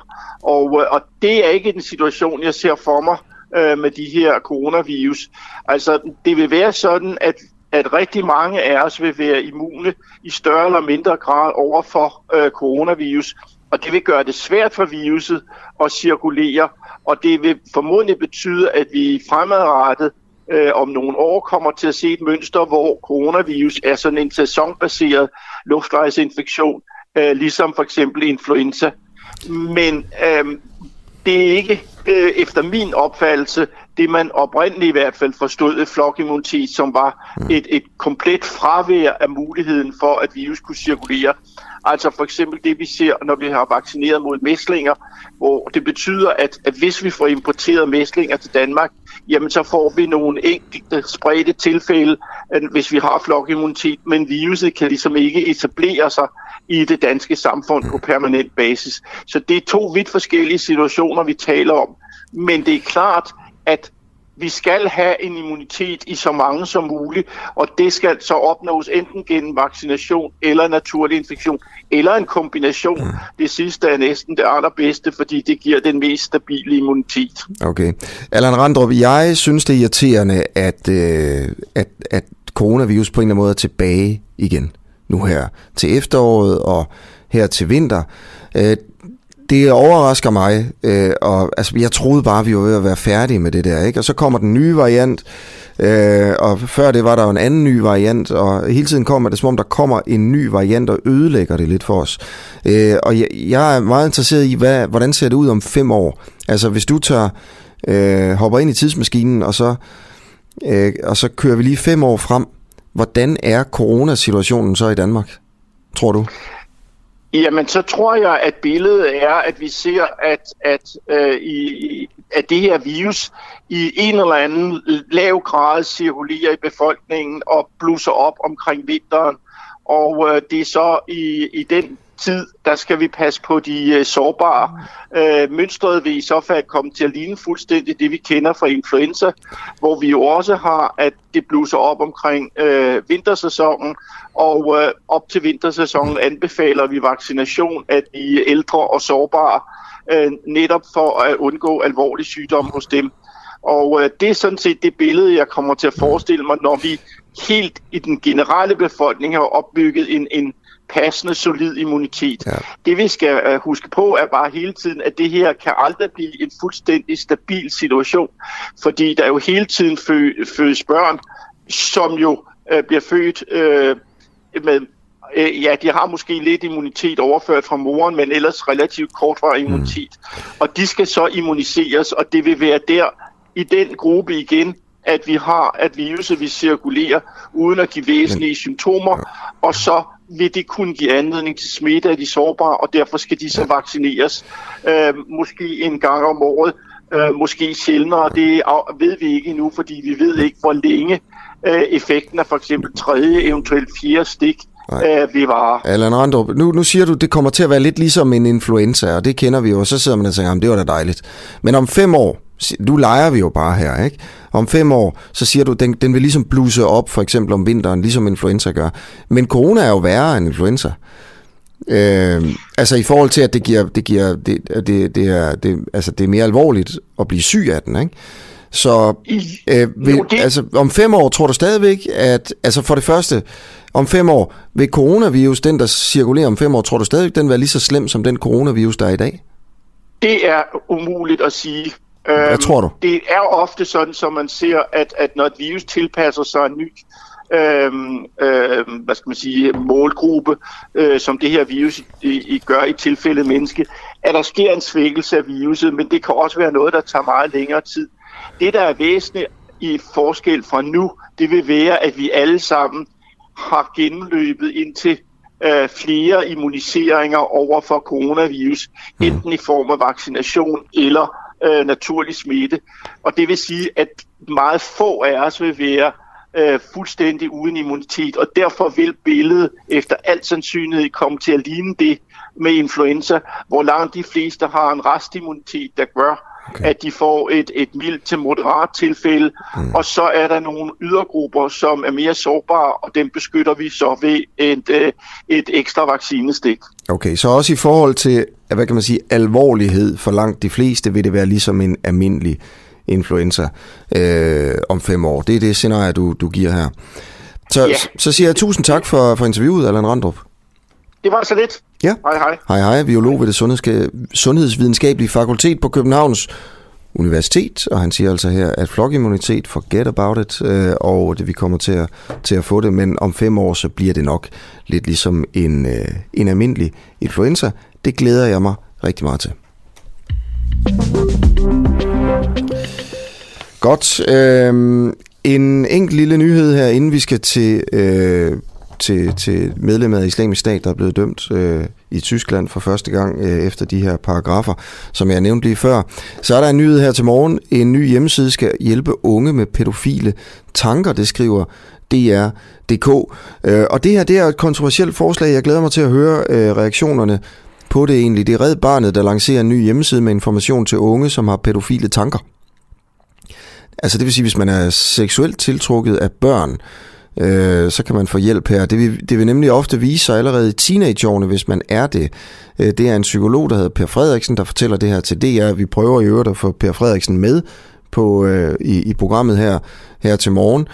Øh, og hjemmesiden her skal altså informere unge med pædofile tanker og fantasier om, øh, hvordan de kan kontrollere de her ting øh, og hvordan de kan, de kan styre det, så de ikke bliver udøvende eller praktiserende pædofile, kunne man måske sige. Og jeg har altid tænkt på det her med, som altså på en eller anden måde nogle af de største helte, det er vel dem, der undertrykker deres seksualitet, så de ikke gør andre fortræd. Forestil dig, at du ikke måtte udleve din seksualitet. Altså, det kan være, at, at dem du nu tænder på, mænd eller kvinder, din kone eller et eller andet, du måtte ikke gøre det nogensinde, aldrig nogensinde. I hele dit liv måtte du ikke gøre det. Det er jo, det, er jo ret vildt øh, egentlig at, at holde sig øh, øh, tilbage, tilbage et helt liv. Og det er jo det, de pædofile skal, punktum. Selvfølgelig skal de det. Det er jo noget af en, af en bedrift, øh, hvis man kan det, øh, kunne man jo, øh, det vil jeg da sige i hvert fald. Okay, men øh, forhåbentlig mere om, øh, om det her senere på, øh, på morgenen. Øh, nu til historien om, hvad der egentlig øh, skete med krigsforbryderen Taha El Jumalis sexslaver i Islamisk Stat. I tirsdags blev et medlem af Islamisk Stat idømt fængsel på livstid for folkedrab og krigsforbrydelser i Tyskland. Altså, han blev dømt i Tyskland. Øh, forbrydelserne foregik i et andet sted. Og det var altså mod det kurdiske stammefolk Yazidierne. Det er første gang, at et øh, medlem af Islamisk Stat bliver dømt for folkedrab. Og der er altså tale om det 29-årige Iraker Taha El Jumaili, der er dømt for at være involveret i drab på over 3.000 yazidier. Han har også været med til at holde 7.000 kvinder og piger som slaver mellem 2014 og 2015. Og Taha er mest kendt i medierne for at lade en femårig slavepige fra yazidi-minoriteten dø af tørst i solen. Dennis Serinci, du er journalist og forfatter til en række bøger om islamisk stat. Godmorgen. Godmorgen. Øhm, hvad, hvad gjorde ham her, altså siden han fik den her dom? Islamisk stat, som Tahar al-Jumaili var en del af, invaderede den 3. august 2014 byen Sinjar i det nordvestlige Irak, hvor flertallet af befolkningen ikke er muslimer, men derimod yazidier. Yazidierne er historisk set blevet forfulgt og betragtet som vantro, kætter og hedninge på grund af deres tro. Og det gjorde så, at øh, 100.000 yazidier skyndte sig at flygte væk den her dag. Jeg husker det som var det i går, det var på min fødselsdag, og jeg afbrød min fødselsdag og ringede rundt til yazidier i Tyskland og i Danmark. Og deres familiemedlemmer flygtede op på toppen af det her bjerg, hvor 50.000 forskansede sig. For IS IS gik ikke, gik ikke op på bjerget for at dræbe dem. De tænkte, hvorfor skal vi bruge vores krudt og kugler på det? Så tørsten ender jo alligevel med at slå dem ihjel. Det var 45 grader varmt, og en af mine journalistkollegaer dernede, han var oppe på det her bjerg i syv dage, uden nok vand og mad. Så kom de så ned senere. De må, må, jeg, må jeg lige prøve at stoppe dig et øjeblik? Altså, du ringer, undskyld, men du ringer til Yazidier i Danmark? Ja, de havde jo familiemedlemmer dernede. Hvor mange Yazidier er der i Danmark? 500. 500-600. Og hvordan er situationen blandt de 500-600 danske yazidier den dag her på din fødselsdag? De er meget, meget chokerede. De er, følger minutiøst med i, øh, øh, i nyhederne og meget bekymrede for, hvad der sker med deres trosfælder dernede. Så er der så øh, 6.417 yazidier, der blev kidnappet af IS, her i blandt flere af mine venners øh, familiemedlemmer. Kvinderne, de blev så solgt som sexslaver. Øh, min vens... Øh, altså, jeg har interviewet 15-20 kvinder og piger, der har været holdt som sexslaver af IS og voldtaget. Den yngste var en pige på 8 år. Ifølge en slave var hun blevet voldtaget flere hundrede gange af IS under 14 måneders fangenskab. For inden havde hun, sagde hun til mig, set sin far og far for fået skåret halsen over af IS fordi de nægtede at konvertere til øh, islam som påkrævet af IS. Hende mødte jeg i Tyskland, hvor hun, mod, Tyskland, hvor hun modtager psykologbehandling. Hvordan har hun det? Hun er ødelagt. Jeg har svært ved at forestille mig, at hun nogensinde skulle blive øh, helt igen. Så var der min ven, som flygtede op på toppen af det her bjerg, og var der en uge. Hans syvårige kusine, Almas, hun blev også kidnappet af IS og solgt til flere mænd. Efter to års tortur og voldtægt, der lykkedes det Almas at flygte ud af IS. Hun løber og løber. To minutter inden hun når i sikkerhed, kommer hun til at træde på en landmine, som IS har plantet og dør. Hun løb ikke alene, hun løb sammen med en anden en af mine bekendte. Lamia på 19 år. Den syvårige hun døde, men Lamia, som også trådte på landminen, hun overlevede. Til gengæld blev hendes ansigt smadret. Jeg kunne holde ud og kigge på hende første gang, jeg så hende. Så kom hun til Tyskland, hvor tyske lærer rekonstruerede hendes ansigt. Men der er stadigvæk tydeligvis ar, og det ene øje kunne ikke reddes. Ja. ja det er jo skrækkeligt, hva'? Jeg har vendt mig til det. Okay. Øhm, så sidder der så øh, ham her Taha, der har gjort det. Der har gjort nogle af de ting. Øh, det er altså den 29-årige iraker Taha El Jumaili, der nu er blevet dømt for øh, de ting, jeg nævnte lige før, og mange af de her forbrydelser. Øh, hvad har han personligt gjort? Han har deltaget i det her folkedrab mod yazidierne ved at holde øh, en kvinde som slave og lade kvindens femårige datter øh, dø af tørst. Han skulle have lænket hende fast til en genstand ude i solen, og det er jo meget, et meget varmt område, vi taler om, hvor den femårige så endte med at tørste ihjel, mens Tahars kone Jennifer, hun fik i sidste måned 10 års fængsel. Hun havde ikke grebet ind. Tahar selv fik livstid. Øhm, Jennifer, øh, altså det, det, hvor kommer hun fra? Uh, hun er meget bekendt uh, tysk konvertit. Okay. Så hun har været med til det her. Altså, er de psykopater? Altså sådan klinisk. Ved vi det? Jeg kender ikke de to personer og det deres uh, mentale tilstand, så det skal jeg ikke kunne sige, Nej. men det er da klart, at altså, det her det er jo geno, uh, genocide, altså folkemord, hvor IS uh, har betragtet yazidierne som et legitimt mål. Det skal siges, at det er jo ikke påstand mod påstand, det her. IS har jo selv i deres månedsmagasin Dabir, i det fjerde nummer af det, det her magasin i april i september 2014 indrømt det her sexslaveri. Mm. I det fjerde nummer af det her magasin, der skriver de, at det at tage de vantros koner som konkubiner er ganske legitimt. Så mm. de har aldrig nogensinde benægtet det. Nej. Og grund til at spørge om det, det er jo fordi, jeg tænker, det er mere forfærdeligt, hvis de ikke er psykopater. Fordi det her, det minder jo i sådan i brutalitet på en eller anden måde, og i omfang øh, på en helt anden skala, men sådan lidt om det menneskesyn, man også så, når man studerer udryddelseslejrene under en verdenskrig og sådan noget, ikke? Altså, øh, hvor man bare lænker en lille pige og lader hende dø af, af tørst, og, og, øh, og, og gør det i det her store omfang. Også. Altså, hvor det ikke er tale, man kan godt sige, okay, hvis der, altså, der, der er jo en, en enkelt morder eller psykopat rundt omkring i alle lande, ikke? men det var så organiseret, der var så mange, der gjorde det.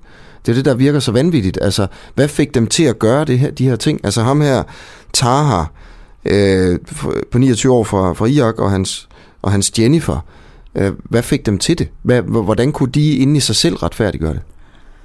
Der er den officielle forklaring, og så er der de underliggende årsager, som jeg nævner i min bog også, Slave i Islamisk Stat, som er netop er et interview med en af mine veninder, der var sexslave hos IS. Den officielle årsag det er, at man betragter yazidierne som vantro. Yazidierne tror på Gud og syv engle. Den ene af de her engle, ærkeenglen, tager form af en påfugl. Det mener mange øh, islamister er en form for vantro, altså form for øh, kætter, kætteri. Historien om den her engel, det er, at englen nægter at bøje sig for Adam. Islam har en lignende historie om en, en engel, der nægter at bøje sig for Adam, og som så blev til Satan. Det gør, at visse islamister tænker, ah, så må yazidierne, de må være satanister, de må være djævletilbedere. Mm. Historisk, øh, rent øh, faktuelt, så holder den forklaring. Ikke? Yazidierne tilbeder ikke djævlen, de tilbeder faktisk engle. Den underliggende årsag til IS forfølgelse af yazidierne er nok mere, at de har ønsket et rent sunnimuslimsk område i den del af Irak og Syrien. Men der var nogen, der stod i vejen, nemlig yazidierne, og derfor valgte man at udrydde dem, så man kunne få et rent sunnimuslimsk område. Og kvinderne valgte man at beholde. Hvorfor? For at tjene penge på det. Jeg har veninder, der er blevet solgt for en pakke cigaretter. Jeg har veninder, der er blevet solgt for flere tusind dollars. Så er der også familiemedlemmerne til de her veninder, der ringer desperat til IS og tilbyder flere millioner dollars i løsesum. Så IS tjener godt på det. Jeg besøgte en kvinde, der hed Susan, 30 år. Hun sagde, at hun var blevet solgt otte gange af IS over øh, WhatsApp og Facebook. Så det tjener IS rigtig godt på. Så en reel årsag til, at de gjorde det, det var nok den økonomiske gevinst, at rense området for ikke-muslimer, og at plante sæd hos fjenden, som det hedder. Det vil sige, at når IS voldtager de her kvinder, de børn, der kommer ud af det, de bliver jo opdraget efter IS-værdier, ikke efter yazidiernes uh, øh, tro. Så er der jo flere IS-tilhængere og færre såkaldte vantro. Det er også det, de serbiske militser gjorde i 90'erne mod muslimske kvinder i Bosnien. Dem man voldtog, de børn, der kom ud af det, de blev opdraget til at være serber. Så øh, voldtægt er altid blevet brugt i krig for at øh, plante sæd hos fjenden og reproducere sig selv. Øh, den 29-årige iraker Taha, der altså nu er dømt for folkedrab, for første gang er, det, er der faldet en dom øh, på, den, på den her måde for, for det her. Jeg, jeg sagde i oplægget, at han har været med til at holde 7.000 kvinder og piger som slaver, øh, øh, og har været involveret i drab på over 3.000 yazidier. Ved du, altså, hvor, hvordan man kommer frem til de tal? Det har han ikke. Han har, hvad hedder det ikke, han har ikke øh, holdt 7.000 øh, slaver. Han har været med til, at han har deltaget i IS folkedrab, som gik ud på, at man tog 6.417 yazidier som fanger. Det er det, okay. der menes. Det må være det, det, jeg har fået den galt i halsen, så han har ikke personligt gjort nogle af de ting her. Nej, Hvad? Øh, det er ikke en mand alene, der har gjort det. Det er nej, nej. system, der har gjort det. Han er en del af det. Og, okay, er, det, altså, han er, er han blevet dømt for ligesom at være en del af et kollektivt system? Præcis, han er dømt for at være en del af IS folkedrabspolitik. Okay. Og det er første gang. Jeg har kaldt det for et genocide folkedrab fra første dag af ja. den 3. august 2014. Men så er der jo det der med, øh, det var også en, en problematik, man havde i for eksempel, når man skal retsforfølge eller vil sige, lejervagterne i, øh, i Auschwitz for eksempel. Ikke? Altså var de et lille tandhjul, hvad var deres skyld egentlig i det her, hvis de på en eller anden måde var en del af system, hvor, hvor man forventede det af dem, altså for eksempel gav dem en ordre om at gøre ting og sager, hvor, hvor stor var deres personlige skyld så? Øhm, hvordan, hvordan, hvordan argumenterer man for, at en, der er, sådan, er en del af et system her, øh, kan, være, kan være ansvarlig for det her? Han er jo en del af det. Han er jo blevet dømt som en del af dem, mm. der begik. Men har han taget beslutningerne? Øh, det er ikke ham, der har besluttet, at alle yazidierne skulle forfølges. Nej, Nej. han har personligt holdt to, altså en øh, kvinde og hendes datter, som ja. slaver. Ja, okay. Og den, øh, den, øh, den femårige øh, datter dør så af tørst i solen. Lige præcis. Ved man, hvorfor han gjorde det? Hun havde tisset i sengen, og han ville gerne straffe hende. Og hvad skal der ske med ham, den 29-årige øh, irakiske øh, mand, der nu er dømt for folkedrab? Han er dømt, idømt livstid, så han vil jo sidde i fængsel i Tyskland. Okay, hvad kan man sige mere om ham, altså hvor han kommer fra og, og hans, hans, hans livsforløb? Jeg kender ikke uh, til detaljerne om uh, Taha al-Jumaila, det gør jeg ikke, nej. Okay, fint. Uh, Dennis Serinci, tusind tak, fordi du vil komme ind og fortælle om den her uh, forfærdelige historie. Selv tak. Ja, og du er altså journalist og forfatter til en række bøger om islamisk stat, og hvis man gerne vil læse mere om øh, de her ting, som du lige har fortalt om i dag, Yazidierne for eksempel og folkedrabet, hvad, hvad hedder din bog så, hvordan får man fat på den? Slave i islamisk stat, den er udgivet hos Gyldendal i 2017. Okay, tak for det. Selv tak. Ja, det er jo fuldstændig forfærdeligt at, at, at, at høre på det her. Det er jo ikke fordi, det er første gang, vi, vi, vi taler om det, men altså, ja. Øh, godt, øh, der er andre ting på programmet her til morgen. Øh, klokken er kvart over 8, og du kan skrive til mig på de normale kanaler, hvis du gerne vil øh, blande dig her. Jeg skal lige se... Øh, Uh, hvor mange der skriver her. Der er en del, der har skrevet ind om, øh, om vores historie, der handler om, øh, om at øh, de her Øh, kalendere med nøgne damer er forsvundet rundt fra autoværkstederne. Det er jo noget, vi fortæller her til morgen. Vi, vi har fundet ud af, at det er simpelthen, man, man har holdt op med at sende dem rundt til, til mekanikerne fra, øh, øh, fra de firmaer, hvor man leverer øh, reservedele for eksempel. Ikke? Så, så i fremtiden kommer der ikke til at være de plakater, som jo i hvert fald i min barndom altid har været rundt omkring på, øh, på autoværksteder, i hvert fald i, i Østjylland. Øh, og der er, mange, der er mange, der skriver om det. Mark skriver, øh, det er vel ikke så mærkeligt, at kulturen på arbejdspladserne ændrer sig. Førhen der drak man også øl på arbejdet. Det er også et særsyn, nu skriver altså Mark, og det er jo fuldstændig rigtigt. Tingene ændrer sig. Verden ændrer sig. Øh, men vi taler også lige om det, øh, mens det sker. Øh, det kunne jo være, at øh, det var på vej et øh, forkert sted hen. Øh, og så har vi også lige om lidt Per Frederiksen fra Red Barnet med, vil jeg bare lige sige her til morgen. Øh, øh han øh, har oprettet sammen med Red Barnet et sted, hvor teenage-pædofile kan ringe ind og få råd og vejledning om, hvordan de ikke øh, kommer til at, at, at udøve deres seksualitet. Det sker altså lidt senere her i udsendelsen. Selvom regeringen i 2020 aftalte at etablere 13 nye naturparker, så mangler Danmark stadigvæk plads til vild natur. Det siger i hvert fald forskerne bag en ny rapport fra National Center for Miljø og Energi på Aalborg Universitet.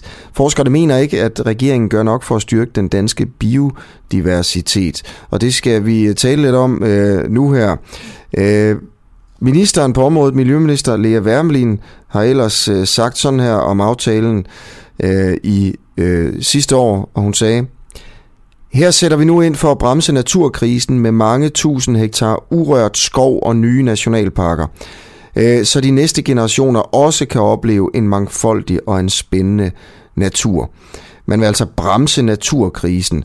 Rasmus Ejernes, seniorforsker ved Institut for Bioscience på Aarhus Universitet, og du er altså en af forskerne øh, bag en ny rapport om biodiversitet i, øh, i Danmark. Hvor mange naturnationalparker bør vi etablere for at redde den, øh, den vilde natur? Godmorgen. Ja, godmorgen. Og du fik sagt, at undersøgelsen var lavet på Aalborg Universitet, men, men bare for, at det lige er helt klart, ikke? så det, det er en undersøgelse fra Aarhus Universitet. Øhm, der, er ikke, der er ikke noget ensidigt svar på, hvor mange naturnationalparker vi skal have.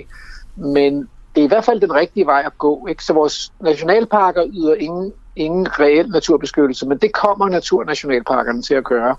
Problemet er, at de kun dækker 0,7 procent af Danmarks landareal, og, og, øh, og det er plads, der er biodiversitetens problem. De der truede arter, vi har i Danmark, de mangler simpelthen plads og levesteder. Øhm, så, øh, så det er sådan set lige meget, hvor mange naturnationalparker man laver. Det afgørende er, hvor stor en del af Danmarks landareal og havterritorier, som vi giver, hvor vi giver plads til, at der kan være vild natur. Og det er vi altså notorisk dårligt til i Danmark. Øh, internationalt set er der mål. Øh, FN i, på topmødet i, i Nagoya i 2010 vedtog man et mål om 17 procent af landarealet som sådan et, som sådan et, et politisk mål for, hvor meget plads man burde give til naturen. Øh, det er jo, der, er, der er det, vi er i gang med i Danmark på 0,7 procent af landarealet jo altså meget lidt i sammenligning. Ja. ja, det må man sige. Og vi er jo engang, så vidt jeg kan forstå, på det 0,7 endnu. Nej, altså, altså strengt taget er der jo ikke nogen af de her naturnationalparker, som findes derude i landskabet. Der, der er nogle af dem, der er vedtaget, og der er andre, der er på vej.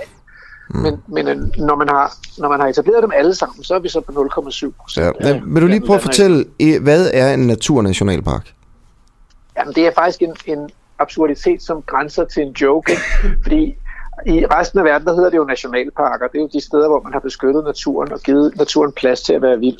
Men nu er vi i Danmark, nu er politikerne kommet til at lave det her greenwashing-nummer med at lave nationalparker, der ikke indeholder reel naturbeskyttelse. Så nu er man altså nødt til at lave nogle naturnationalparker. Mm. Øh, det findes ikke andre steder i verden. Og det er så et sted, hvor man forbyder landbrug og skovbrug og jagt og hvor man giver plads til, at naturen godt må være vild. Og i praksis betyder det, at man genopretter øh, øh, de naturlige vådområder, og at man giver plads til store græsne dyr ude i landskabet.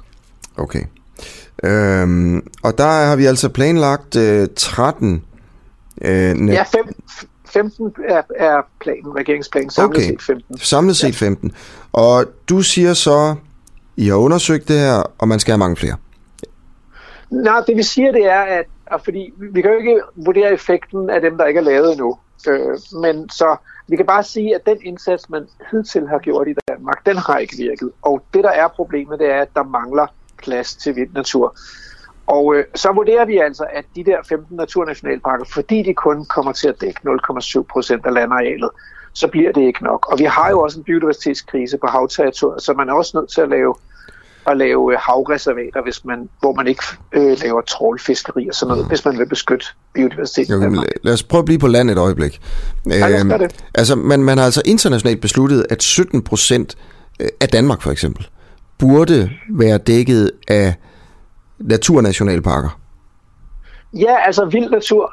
Naturnationalparker er sådan et dansk begreb, ikke? Jo, jo. men altså steder, steder, steder, hvor man har reserveret pladsen til natur. Og det betyder jo altså, øh, det, altså, det betyder steder, hvor man så ikke driver landbrug og skovbrug og jagt mm. og fiskeri ude på havet. Så det, det, det er jo steder, hvor man hvor det er naturen, der sætter spillereglerne. Og det har vi altså ufatteligt svært ved. Og man kan jo også se, at der er en kamp om de her små bitte klatter med naturnationalparker, fordi mountainbikerne vil jo ikke have hegn og store dyr, fordi de vil cykle på deres cykler ikke, når de har fri. Altså.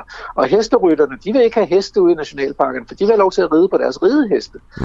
Så, så, der, så, så vi er bare som, som nation ekstremt dårlige til at, at prioritere, at nu er det naturen, der har første ret. Mm. Okay. Mener du, at der skal være 17 procent mm, du ved, naturnationalparker. Nu kalder vi det bare naturnationalparker, selvom det er måske alt åndssvagt.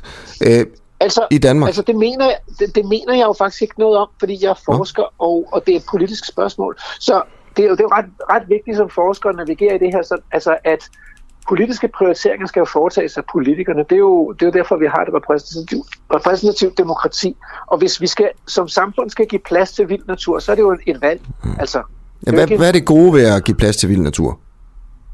det gode ved at give plads til vild natur, det er, at vi kan opleve at leve i en meningsfuld og fortryllet verden. Sådan som, som, som jeg ser det. Ikke? Altså, for mig er det meningsfuldt, og det er jo et personligt øh, synspunkt, ikke, at der er elefanter og næsehorn og tiger og giraffer, men også perlemors sommerfugle og blåfugle og markfirben og, øh, og koversnæpper i den danske natur. Mm. Så, så det der med, at livet kan få lov til at folde sig ud, også selvom det ikke skal, det ikke skal tjene noget nyttigt formål. Okay. Så udover at det skal være meningsfuldt for nogle mennesker, øh, Nej, og det skal, fortryllende... det skal, nej, det skal sgu være meningsfuldt for flertallet af mennesker. Ikke? Jo, jo, altså, men så, det så ved jeg jo ikke, hvor mange, der mener, at det er meningsfuldt at have sommer, sådan nogle form for sommerfugle der. Det kan være, at der er nogen, der synes, det er mere meningsfuldt at have en god økonomisk vækst, så man øh, samler folk op fra fattigdom, øh, og, og derfor er det vigtigt at bruge naturen til, til økonomi, for eksempel. Ja. Ikke? Ja. Men, Jo, så, så, men så du mener, at det skal være fortryllende og meningsfuldt øh, for, for mennesker, det er derfor, man skal have sådan nogle sommerfugle næsehorn. Og det er jo selvfølgelig det er fint det nok. Er der andre Det er det, argumenter for, at man skal have mere vild natur? Nej, det er der ikke. Prøv, prøv at forestille okay. dig, prøv, prøv, prøv at svare på spørgsmålet om, hvad der vil ske, hvis du ikke var her i morgen. Mig? Hvis jeg ikke Ja. var her? Ja, det, jeg prøver at forklare det her Der vil for ikke dig. ske så meget. Der, der, vil, der vil ikke ske en skid, vel? Så vi er inderligt overflødige, og det er markperlemors sommerfuglen og markfirbenet og koversnæppen mm. også. Ja, ja. Og det er det, der, det er det, vi har til fælles med resten af livet. Det er, at vi dybest set er overflødige, og at meningsfuldheden lever i, ligger i, at vi folder livet ud. Det er det, der er det meningsfulde. Og hvis man ikke kan tillade andre livsformer her på jorden at folde livet ud, men kun kan tænke på sig selv og sin egen røv og sin egen overlevelse, hvad fanden er det så for et liv? Okay. Ja, det er okay. Jeg troede faktisk, du ville svare noget andet her. Det er jo fint. Det, det, er, jo, det er jo fordi, det så giver mening for, for dig for eksempel, ikke også? At der er de her sommerfugle... Øh, øh, Ja, og og, det også er rart for dig at gå rundt ud og Ja. se og kigge på det. Altså, det er på en eller anden måde fortryllende. Eller... Der er ikke andre argumenter. Altså, er det ikke noget med øh, et eller andet øh, Nej. bierne, der, er der, det. der er ved at uddø eller sådan noget? jeg, skal nok, jeg skal nok komme tilbage til den del af spørgsmålet. Men altså, det er jo det, statsministeren siger. Hun siger jo, at vi skal gøre det, fordi at det er meningsfuldt og fantastisk og forunderligt at opleve den der vilde natur. Øh, nej, altså det er sådan, at der er 280 arter af vilde bier i den danske natur. Men hvis vi skal bare skal bestøde vores afgrøder, så kan vi klare os med honningbien og så måske en lille håndfuld af de mest almindelige Ja. bier. Alle de der skide sjældne bier, dem kan vi ikke bruge til noget som helst, og vi kommer aldrig til at kunne bruge dem til noget som helst.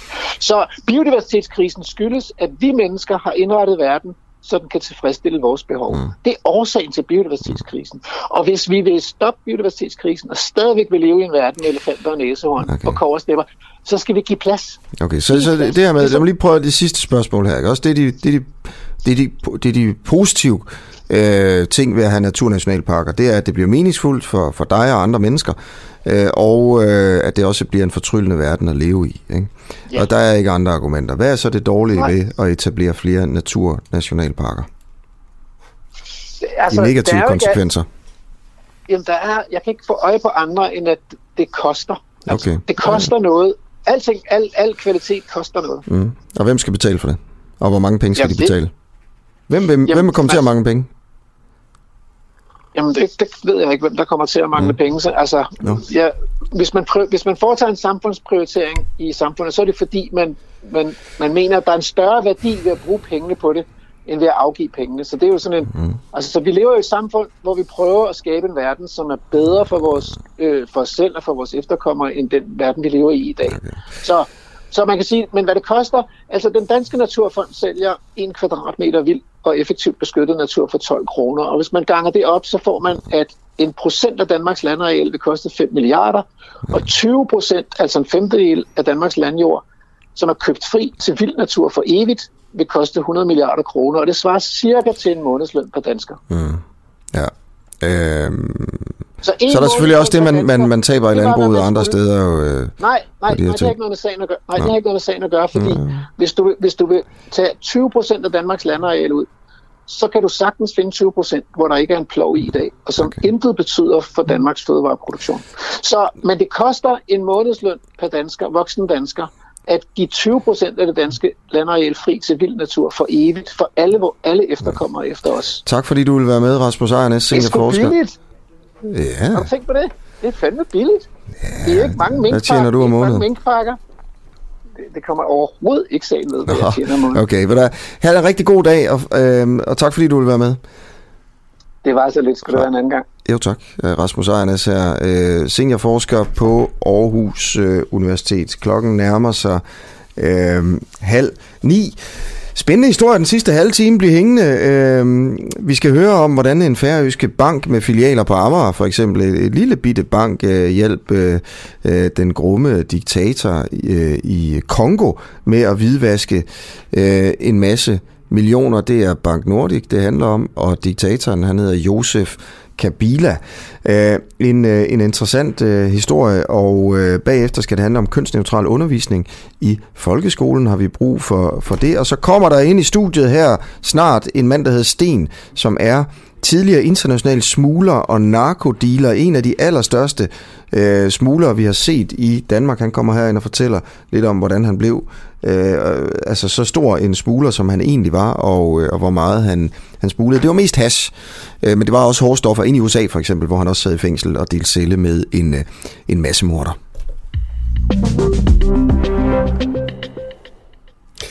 Yes, og øh, nu skal jeg lige se her. Prøv lige at hænge på to sekunder, jeg skal lige orientere mig her. Vi har Per fra Red Barnet med. Godmorgen, Per. Godmorgen. Godmorgen. Øh, Red Barnet har, øh, har lavet en, øh, et nyt tiltag, hvor man altså kan ringe ind, hvis man er teenager, hvis man er ung og hvis man er pædofil. Hvad er det, det går ud på? Det går ud på, at vi skal sikre, at de, der har seksuelle tanker om børn, de har et sted, hvor de kan øh, få savlig og sand viden, som vi passer på dem, og vi også passer på børn. Og det kommer sådan lidt af, at vi har kunne se, hvad der er af alternativer, øh, hvis man har seksuel øh, fantasi eller tanker om børn, hvad der ligesom er alternativer på nettet. Alternativer også til, hvor man ligesom kan øh, få viden om, og også meget øh, usammenhængende og usand viden om, hvad det vil sige at begå overgreb mod børn, og hvorvidt børn tager skade eller ej af det. Og hvad, hvad er det helt præcist? Øh, altså hvis, hvis man nu er en, en ung øh, mand med, eller kvinde med pædofile tendenser, altså man har lyst til at have sex med, med mindreårige børn, øh, og man ringer ind, hvad, hvad får man så at vide, når, når der er en, der tager telefonen? Det vi har lavet, det er et oplysningssite. Så det man kan, det er, at man kan, øh, der er en masse øh, viden derinde, og må, måden man kan få det frem til en, det er ved, den bedste måde er ved at tage en sådan en selvhjælpstest, der er, hvor man bliver stillet en masse spørgsmål i forhold til, øh, hvor gammel man er, og hvem det er, man føler sig tiltrukket til, og øh, hvorvidt man tænder på de tanker. Altså, der er en masse sådan antagelser, som ikke, øh, altså når vi snakker bare øh, fra et børnebeskyttelsesperspektiv, ikke er gode. Vi har en antagelse om, at de, der har øh, øh, seksuelle tanker eller pædofile tanker om børn, de begår overgreb mod børn. Og det er sådan set en, det at gøre en bjørntjeneste for, for børn i forhold til ikke, og ikke ligesom at tale ind i, at det er sådan set ikke rigtigt. At der er mange, der har tankerne, uden de begår overgreb. Og ydermere, så ved vi også, at der er mange af de overgreb, der bliver begået mod børn, seksuelle overgreb, der bliver begået af personer, der ikke har pædofile tanker.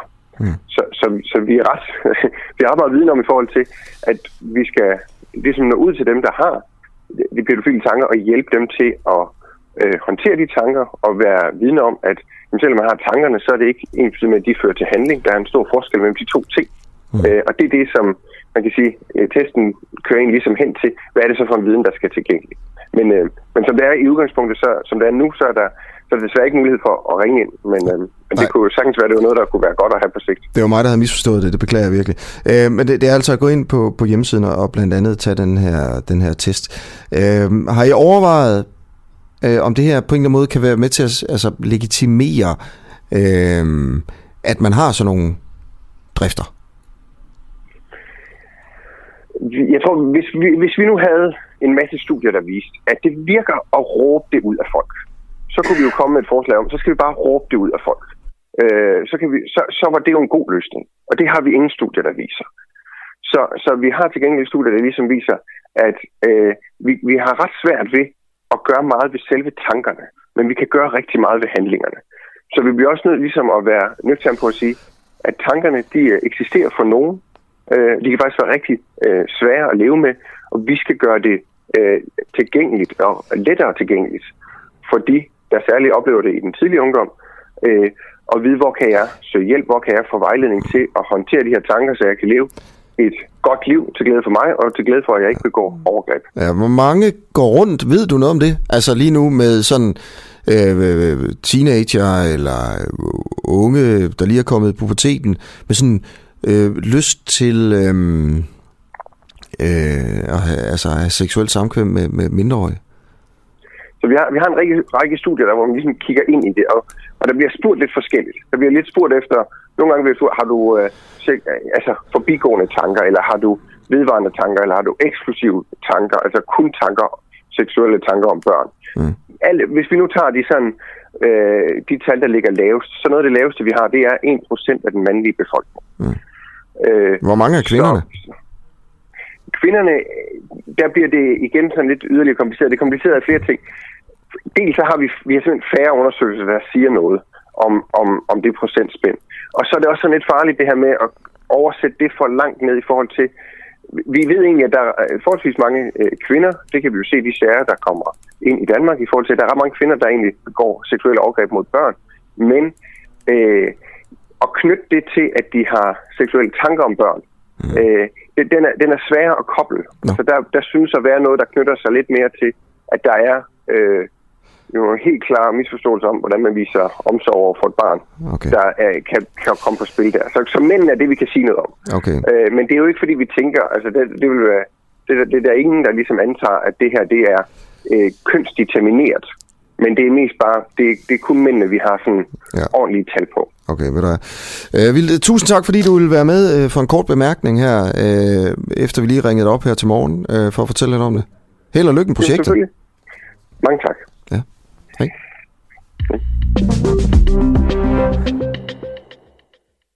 Lige om lidt er politikeren Lars Bøge Mathisen fra Nye Borgerlige øh, med på en, øh, en øh, telefon. Øh, han øh, er træt af... Øh, nej, han er ikke på. Undskyld. Beklager.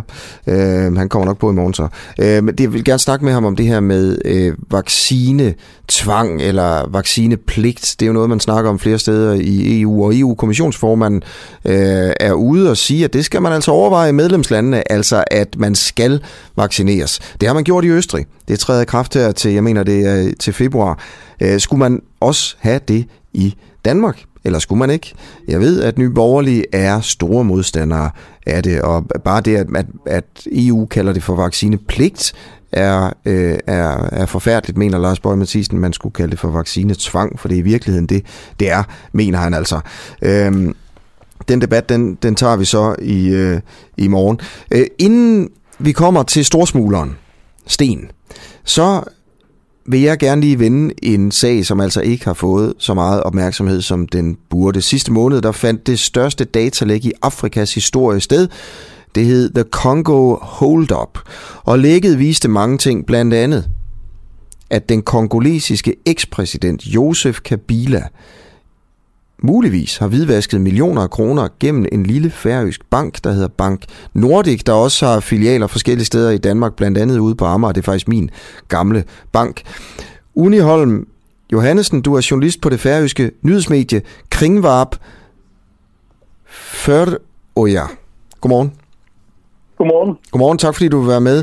Hvad er, øh, hvad er det, at, øh, at der er sket? Ja, øh, jeg skal prøve at lave en lang historie kort, men, men den her sag handler om, at øh, tilbage i 2013 blev en, øh, hvad skal man sige, en, en godshandel, en importør af fisk og kød, øh, dannet i Kinshasa, som er hovedstaden i den demokratiske republik Kongo. Øh, Igal hedder den. Og den, der ejede det her importfirma, var øh, daværende præsident Josef Kabilas allierede eller, eller venner, og, og det her importfirma fik en uh, ulovlig, uh, skal understreges, en, en ulovlig pengeindsprøjtning fra Nationalbanken i Kongo, som uh, Kabilas netværk af familie og venner og allierede fik gennemført og skjult, uh, i hvert fald i, i første omgang.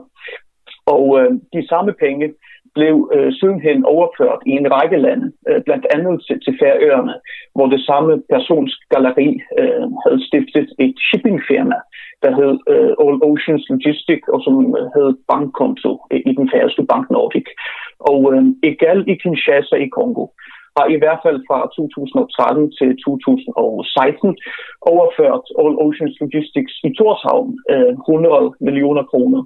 Og øh, dertil har andre virksomheder i Kabilas netværk, øh, som det hedder, som igen hans familie, allierede og venner ejer, flyttet yderligere 20 millioner kroner til Færøerne, så det bliver ja, 120 millioner kroner i alt. Så så den her sag viser, at øh, finanskriminalitet, øh, den kender jo ikke landegrænser, øh, må man sige, og, og kan strække sig fra den ene ende af verden til den anden. Mm. Øh, det er jo klart, man tænker på Danske Bank med det samme. Danske Bank, der også har stået øh, midt i en, øh, en sag om sådan noget her, og har ageret nyttige idioter for en masse øh, gangster fra Rusland, som har brugt banken til at vaske deres penge hvide. Der, mm. der snakker vi om mange milliarder. Øh, men, men egentlig lidt det samme her, bare en anden skala. Øh, også, øh, man kan sige, altså nu når færgerne er et, at, at, mindre sted end Danmark, sådan økonomisk set, øh, så kan man godt sammenligne de to sager. Og det med, det med Danske Bank, der var humlen jo, det var jo ikke, øh, altså, øh, det var jo ikke Danske Bank, der som sådan aktivt havde været inde og gøre noget. De havde bare lavet andre, altså nogle kriminelle bruge banken til ting og sager. Ikke? Mm. Øh, ja. og, og dermed også, altså de havde tjent sandsynligvis en lille smule penge på det, men, men man havde ikke tjekket ordentligt. Og man var blevet advaret, man havde ikke gjort noget ved det. Øh, og man havde altså hjulpet nogle russiske gangster øh, med, med at lave kriminalitet. Og selvfølgelig mm undertrykke en masse mennesker i, i, i Østeuropa. Det er en fuldstændig forfærdelig sag, og, og det har alvorlige konsekvenser, fordi man holdt, øh, man gjorde jo altså mafiaen i Rusland meget, meget mægtigere her, ikke? Og det samme, hvis, hvis man holder hånden, altså hvis man hjælper Kabila og hans venner med at, at tjene flere penge, øh, og, og så hjælper man jo også det styre, som Kabila er en del af. Så, så spørgsmålet her i forhold til den færøske bank er jo også, blev man advaret? Tjekkede man ordentligt? Hvad ved vi om det indtil videre? Ja, det er det, som vi faktisk ikke ved. Altså, vi snakkede med politimester Michael Bolsen i tirsdag, øh, og han sagde, at han mente ikke, at politiet i, hvert fald er eller har været bekendt med, med den her sag. Uh, men det, det vil se, se nærmere på den sammen med danske eksperter fra, fra bagmandspolitiet. Uh, og det gør det, fordi Danmark er ansvarlig for politi på Færøerne, så, så det færøske politi og anklagesystem er i den forstand dansk. Og uh, Færøerne er også en del af rigets finansielle område i, i den forstand, at uh, Færøerne og Danmark har et fælles uh, banksystem og banktilsyn under det danske uh, finanstilsyn. Okay, så det er også det danske finanstilsyn, der skal holde øje med, med Bank Nordic. Har ja. de sagt noget, Finanstilsynet? Nej, det har de ikke, og vi har selvfølgelig også øh, spurgt Bank Nordic, øh, og de ønsker ikke at kommentere den her sag, øh, i hvert fald ikke endnu, trods flere henvendelser. Mm. Bank Nordic vil respektere den tavshedspligt, som alle banker er underlagt, og de vil ikke kommentere på enkelte kunder, som de siger. Så, så vi ved ikke, hvordan Bank Nordic har håndteret den her sag, og vi ved heller ikke på nuværende tidspunkt, om, om de vil undersøge den nærmere. Men som du siger, altså, vi har også set tidligere i andre lande, øh, for eksempel i Danmark, at en sag som denne, en øh, hvidvask-sag, som rejser en række spørgsmål om øh, finanskriminalitet, om vores omdømme, om vores kontrol eller tilsyn med banker, at en bank uh, kan blive nødt til uh, at, at forklare sig. Og så, så også som, som du selv siger, altså man skal huske, at i en færsk kontekst, der bor 54.000 mennesker på Færøerne, så er det her en, en stor sag. Ja, okay. Vel, tusind tak, fordi du vil være med, Uni Holm Johannesen, altså journalist på Kringvarp Færøja, øh, til, en, øh, til et, et lille referat af, af historien her, som jo, øh, som jo selvfølgelig skal dækkes, og øh, selvfølgelig skal øh, banken og Finanstilsynet også øh, åbne op og fortælle om, øh, hvad der egentlig er foregået. Godt. Klokken er 18 minutter i 9. Nu skal det handle om, øh, om at smule hash og, og narko. Øh, Sten Lundager, øh, velkommen i studiet. Tak skal du have. Øh, hvorfor er det, du gerne vil fortælle om det her? Det er fordi, jeg inviterede mig, og, øh, og jeg synes, det er en god historie. Øh, det er ikke kun om at smule has og så videre, det er faktisk en historisk rejse helt tilbage fra 60'erne og så op til 90'erne. Ja. Øhm, du var igennem 60'erne, 70'erne og 80'erne en af Danmarks historiens største narkosmuglere. Øh, du har smuglet knap 20 tons has til Danmark og solgt kilovis af hårde stoffer i USA med hjælp fra den øh, amerikanske mafia og sydamerikanske narkokarteller. Er alt det her rigtigt? Ja, det er rigtigt. Øh, alt sammen er rigtigt. Det er, jo, det er jo ikke kun mig. Det er jo en stor organisation, som arbejder med det. En, en gruppe danskere, øh, nogen som boede i USA, øh, som jeg arbejder med her i, øh, i både Danmark og Spanien. Ja. Så, øh, men det er rigtigt. Øh, så har du mænget dig med det danske jetset-miljø i København. det kan man godt kalde du, Har du været playboy? Kunne man kalde dig for en playboy? Nej, nej, jeg fik tilbud. Jeg fik faktisk, da jeg boede i Spanien og trænede hårdt, der var solbrun og lyst hår, så ja. var det en af øh, træneren, der sagde, hvorfor jeg ikke blev det. Det har jeg aldrig blevet. Men øh, nej, jeg ved ikke, øh, Klub 17 var vel nok, kan man sige, øh, en, en, en form for Playboy-klub, altså, men det var mere en rygerklub. Ja. Det var en privat nøgleklub. Hvor mange penge har du tjent på det her? Jamen altså, det der kommer ind og ud her, det, det, det er svært at sige, ikke? Altså, det er jo... Øh, det fortæller historien også, at, at folk bliver jo taget, folk bliver, vi mister en hel masse, det kan, har, kan I se i historien også. Så jeg ved sgu ikke, hvor mange penge jeg har tjent. Jeg har aldrig rigtig haft noget ud af det på den måde, og det Nej. har egentlig ikke været mit mål at tjene penge. Nej. Har du penge? Har du nogen penge tilbage i dag? Nej, nej, det stoppet i 91, jo. det er jo 25 år siden. Ja. Jeg har ikke en krone. Jeg, jeg er pensionist øh, med, på to tredjedel, fordi jeg har været væk så mange år, så, så jeg arbejder stadigvæk. Nå, som hvad? Jamen, jeg går ud og holder foredrag for folk og på skoler og for børn, og, øh, og jeg kan også godt gå, hive fat i malerpenslen en gang mellem at gå ud og tjene nogle penge. Det gør jeg ja. stadigvæk. Okay. Ja. Men, men du har altså solgt stoffer på stor skala, og, og også været en del af miljøet i, i København. Har du også solgt til kendte mennesker, for eksempel? Altså, jeg har ikke været den, der sælger. Jeg har været den, der har været ude i hele verden og hentet ind til Danmark. Aha. Jeg har aldrig været pusher på den måde. Og men, men de kendte mennesker kom i Klub 17 og, øh, og røg noget has hos, øh, i Klub 17. Mm. Ja. Hvad er Klub 17? Klub 17 var en nøgleklub, der lå øh, i Lavendelstræde på i København i, øh, igennem øh, 70'erne. Okay. Og, øh, og det er en nøgleklub, hvor øh, øh, de mennesker, som man synes skulle komme ind, de fik en nøgle og kunne låse sig ind. Og så var der selvfølgelig gæster, som Øh, blandt andet Rolling Stones kom der, andre, som, som når de var, gav koncert her i København. Okay. Jeg interviewede øh, Jynke fra Hells ja. Angels her ja. for, for to uger siden, eller, mm. eller noget, ja. øh, til det, og det handlede egentlig om, øh, er Hells Angels en kriminel organisation? Og der siger han så, det er de ikke. Okay. Øh, han har aldrig tjent penge på hash og sådan noget, ikke? Og, ja. øh, har, har du handlet med Hells Angels? Nej, alt det her er jo før man kan sige, at de her grupperinger kom ind og overtog hashmarkedet. Altså vi var nogle glade hippier, som ville have noget at ryge på. Det var sådan, det startede i 1968-69, øh, første rejse til Indien øh, på hippie trail. Det var der, det hele startede, så, så nej, vi var bare nogle gode, glade hippier, hippier som, som, hvor ens jeg kan sige, at min moralske kompas kom lidt af kurs i USA på grund af nogle omstændigheder, der var. Mm. Okay, det vil jeg også meget gerne høre om, hvad, ja, der, hvad der egentlig ja. foregik i, i USA, da det ja. ligesom øh, gik, øh, gik, gik ind i en anden bane eller et ja, eller andet. Ikke? Øh, men altså, du, du smugler også en masse hash til Danmark. Øh, øh, kan du fortælle, hvordan man lander to ton hash på en strandbred om natten i Nordsjælland? Jamen, det kan jeg. Det, det gør man ved, at man øh, på forhånd arrangerer det hele. Der kommer en sejlbåd op øh, helt nede fra, fra Atlanterhavskysten øh, ud fra, fra Tanger i Marokko sejler rundt om, øh, om øh, Skotland og kommer ind til Anhold, hvor den så møder en lille øh, træmotorbåd og tager de 2.000 kilo ombord der i Rumsø. Mm. Sejler det ind i Roskilde Fjord og ligger lige ind i fjorden, hvor så en gummibåd sejler det ind 2 3 400 kilo ad gangen. Mm. Biler, der kommer ind og henter. Jeg står med en stor mobiltelefon i den, øh, i den ene hånd. Det var det en af de første. De var jo øh, halv meter høje. Og så en walkie-talkie i den anden og kommunikerer med båden. Okay, vi er klar last de der 300-400 kilo, gummibåden kommer ind, og så står der en bil klar og bærer øh, de her kilo op ad stranden ind i bilen, og den kører væk, og det foregår så ind til de to tons af lastet. Mm. Okay, og hvem er ude i båden?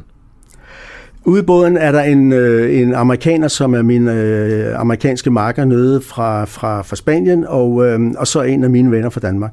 Ja. Og er det en, øh, en lystbåd, eller hvad skal man forestille sig? Det er en stor lystjagt, der sejler op til Danmark. Ja. Øh, og den motorbåd, det er så bare en, en almindelig træbåd, øh, øh, som vi har købt herhjemme til det formål. Og hvor mange gange har du gjort det? Altså den eneste gang, hvor jeg sådan selv rigtig har modtaget det herhjemme, ellers har jeg altid sendt det op til andre, der modtog det her. Så mit job var altid at være ude i Afghanistan, i Pakistan, Colombia, i Thailand, og så sørge for, at det kommer ind til Danmark. Ja. Du er i øjeblikket aktuel i DR-serien, der hedder Smugler, hvor du fortæller om dit, øh, dit liv, og der kan man altså gå ind og, at se det her. Ja. Øh, og du har tilbragt en stor del af dit liv i udlandet med at smule hash ind i Danmark. Øh, du har været på Costa del Sol, Ja. øh, for, i Spanien for eksempel. Øh, øh, og du ender, du ender altså med to fængselsdomme. Ja. Øh, blandt andet i USA, øh, der bliver du pågrebet, og øh, anklagen lyder på livstid og en bøde på 1 million dollars, så du bliver indsat i et high security fængsel i USA mm. Og deler celle med en masse morder. Mm. Øh, hvad er det, der sker altså, i dit liv, da du det ligesom går ind i en anden bane, og, og du kommer til USA? Jamen, jeg boede i USA i 10 år, og, øhm, og det her, det var ligesom øh, det var den sidste akt der. Øh, jeg har været væk fra USA og flygtet på grund af, altså ting går hele tiden galt, når du laver sådan nogle ting. Så alt gik galt, jeg mistede alt og øh, tog tilbage til Danmark. Så rejste jeg så til USA, fordi jeg skulle over og, øhm, og møde en person derovre, og der bliver jeg så taget. Og det, der så sker, er, at øhm, alle, hele sagen er fra 1978, og jeg kommer der i 1991. Den er 13 år gammel. Jeg er helt sikker på, at den er forældet. Det er den så ikke. Mm. Alle har fået deres domme i den her store sag, men jeg bliver så arresteret, fordi jeg er der, og de sætter mig så i fængsel, og så skal jeg så kæmpe for... Altså, dommen lyder på 25 års fængsel og en million dollars i bøde, og jeg har som lige, øh, som lige landet de 2.000 kilo i, øh, op i Nordsjælland i Sølager, Ja. så jeg har penge til en god sagfører. Så jeg har en god sagfører, og det er sådan, det foregår. Ja. Okay. Og hvad sker der så? Så sker der det her, at jeg sidder i det her øh, high security fængsel, og det er rigtigt, at den, øh, jeg sidder sammen med, som, som styrer det fængsel, er en, øh, en, han er sat ind for extortion, altså for afpresning, taget med en kuffert fuld af kropsdele. Og øh, det er ham, der ligesom kører det her fængsel. Det er ham, der har magten.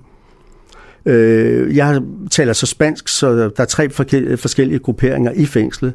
Spanske, øh, spansktalende, sorte og hvide. Og, øh, og de sorte ved, at jeg kommer fra Danmark, så, så det er ikke sådan et stort problem for mig, øh, sådan rent racistisk, og jeg taler spansk med spanierne, mm. og er sammen med de hvide. Så jeg, på den måde har jeg ro på i, i fængslet, trods alt. Okay. Øhm, øh, altså, smiler, smuler du på, på noget tidspunkt sådan øh, andet end has? Altså, den her sag var jo øh, 40 kilo kokain, mm. 80 pund kokain. Ja. Og, og hvor meget, altså sådan noget har du smuglet? Kun det. Kun det? Kun det. Hvad med heroin? Aldrig. Okay. Det er her, hvor jeg fortalte lige før, om mit øh, moralske kompas kom ud af kurs der, og det var, fordi vi var vildt presset af, af, af noget italiensk mafia, som vi skyldte nogle penge, for en, en, en, en, øh, et ton marijuana ude i Thailand. Okay. Så det her projekt blev så sat op øh, med mine, øh, dem, jeg arbejdede sammen med, og, øhm, og det, der så skete, var, at øh, det var jo hurtigt. Vi- Der var en, en diplomat, der fløj det. Mm. Så han rejste bare ned, vi fyldte kufferten op, prøvede med 2-3 kilo, og det kørte. Og så kørte vi så de der 40 kilo igennem. En, en diplomat, siger du? Det er en nigeriansk øh, diplomat, som fløj det ind fra Bogota til Ja. Okay. Og vi modtog det der, og så min, øh, min marker i New York, han solgte det.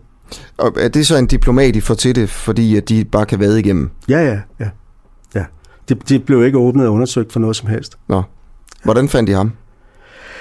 Det var så min marker, der gjorde det. Min, min del i det her projekt var at, øh, at bringe pengene ned til, til Colombia, til ja. Bogota, og sørge for, at den her diplomats kuffert blev pakket med, med, med de her øh, Ja. kilo kokain. Okay. Øh, Det er jo helt vildt, altså, var Så mange ting, der ligesom er, og så får man også lyst til at være med den italienske mafia. Hvorfor skyldte du den penge? Nej, ikke skulle italiensk mafia. Ja, det var, det var amerikanske mafia i New York, fordi de havde... Altså, men, men okay, så med, med italienske rødder? Ja, italienske rødder. Ja, Ja. ja. Marino. Ja. Marino? Det var, hedder han, ja. Men Nå. det var fordi, det var fordi, at vi havde mistet et ton marijuana i Thailand. Ja. Og der var de med. Grunden til, at de var med, var fordi, at de havde en, en havn, som, som, altså, hvor øh, det her ton kunne komme ind til havnen i Brooklyn. Mm. Når jeg siger, at de har en havn, det betyder så, at de kan bringe varer ind og ud, som de vil. Eller det er jo altid ind, selvfølgelig. Ikke? Mm. Ja. Okay. Det er jo mange ting, du ligesom har oplevet. Øh, ja. Hvad tænker du om, om den måde, øh, politiet bekæmper has på i Danmark? Altså, hvis vi nu sidder her og, og lytter til dig mm. her til morgen og tænker, øh, man skulle have fanget dig mm. på en eller anden måde, ikke? Jo. Altså, Jo. at du havde fået frit spil, det er jo, hash er en dårlig idé. Mhm. Øh, der er mange, der, øh, der ligesom kommer, kommer galt afsted ved at ryge det, for eksempel. Ikke? Det er der mange, der mener. Øh, Det er der mange, der mener. Ja, det er der. Ja. Det er der mange, der mener. Men der er ikke så mange, der fortæller om Men... tilfælde, de kender. Øh, nej, men det okay. Øh, men hvis vi nu siger, hvis vi nu lader den debat være, ikke også, ja. og så siger, at du burde være blevet fanget her. Ja. Du gjorde noget, der var forkert. Ja. Øh, hvilke, hvilke råd vil du så give til myndighederne, altså i forhold til sådan hasbekæmpelsen? Jamen, der er kun et råd, det er at, at gøre det frit. Altså, øh, gør det kontrolleret, som de gør i USA. Det er jo meget sjovt, at USA pressede hele verden til at, at, at, at stoppe med hashandel og, og produktion i Marokko og andre steder prøvede det.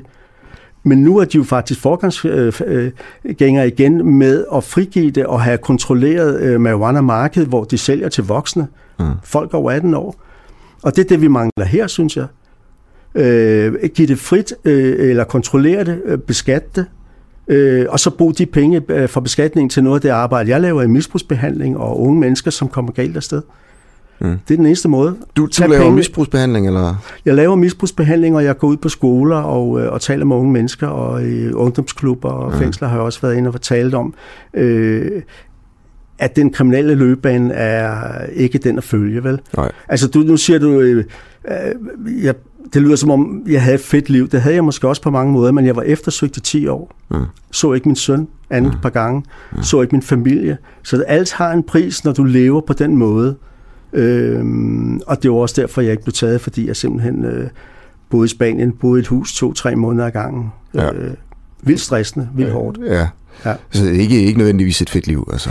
Ikke nødvendigvis et fedt liv. Øh, der var selvfølgelig nogle gode ting. Altså, 70'erne og 80'erne var hårde i Danmark, og der boede jeg på de fedeste øh, hvide øh, strande i verden, kan man mm. sige. Ikke? Florida, Bahamas, øh, Costa del Sol. Men, men, men sådan rent personligt, og, og, og omkring øh, relationer til nære øh, var ikke eksisterende, simpelthen. Og det okay. gør noget ved en person i mange år, som, ja. som jeg gjorde det. Ja.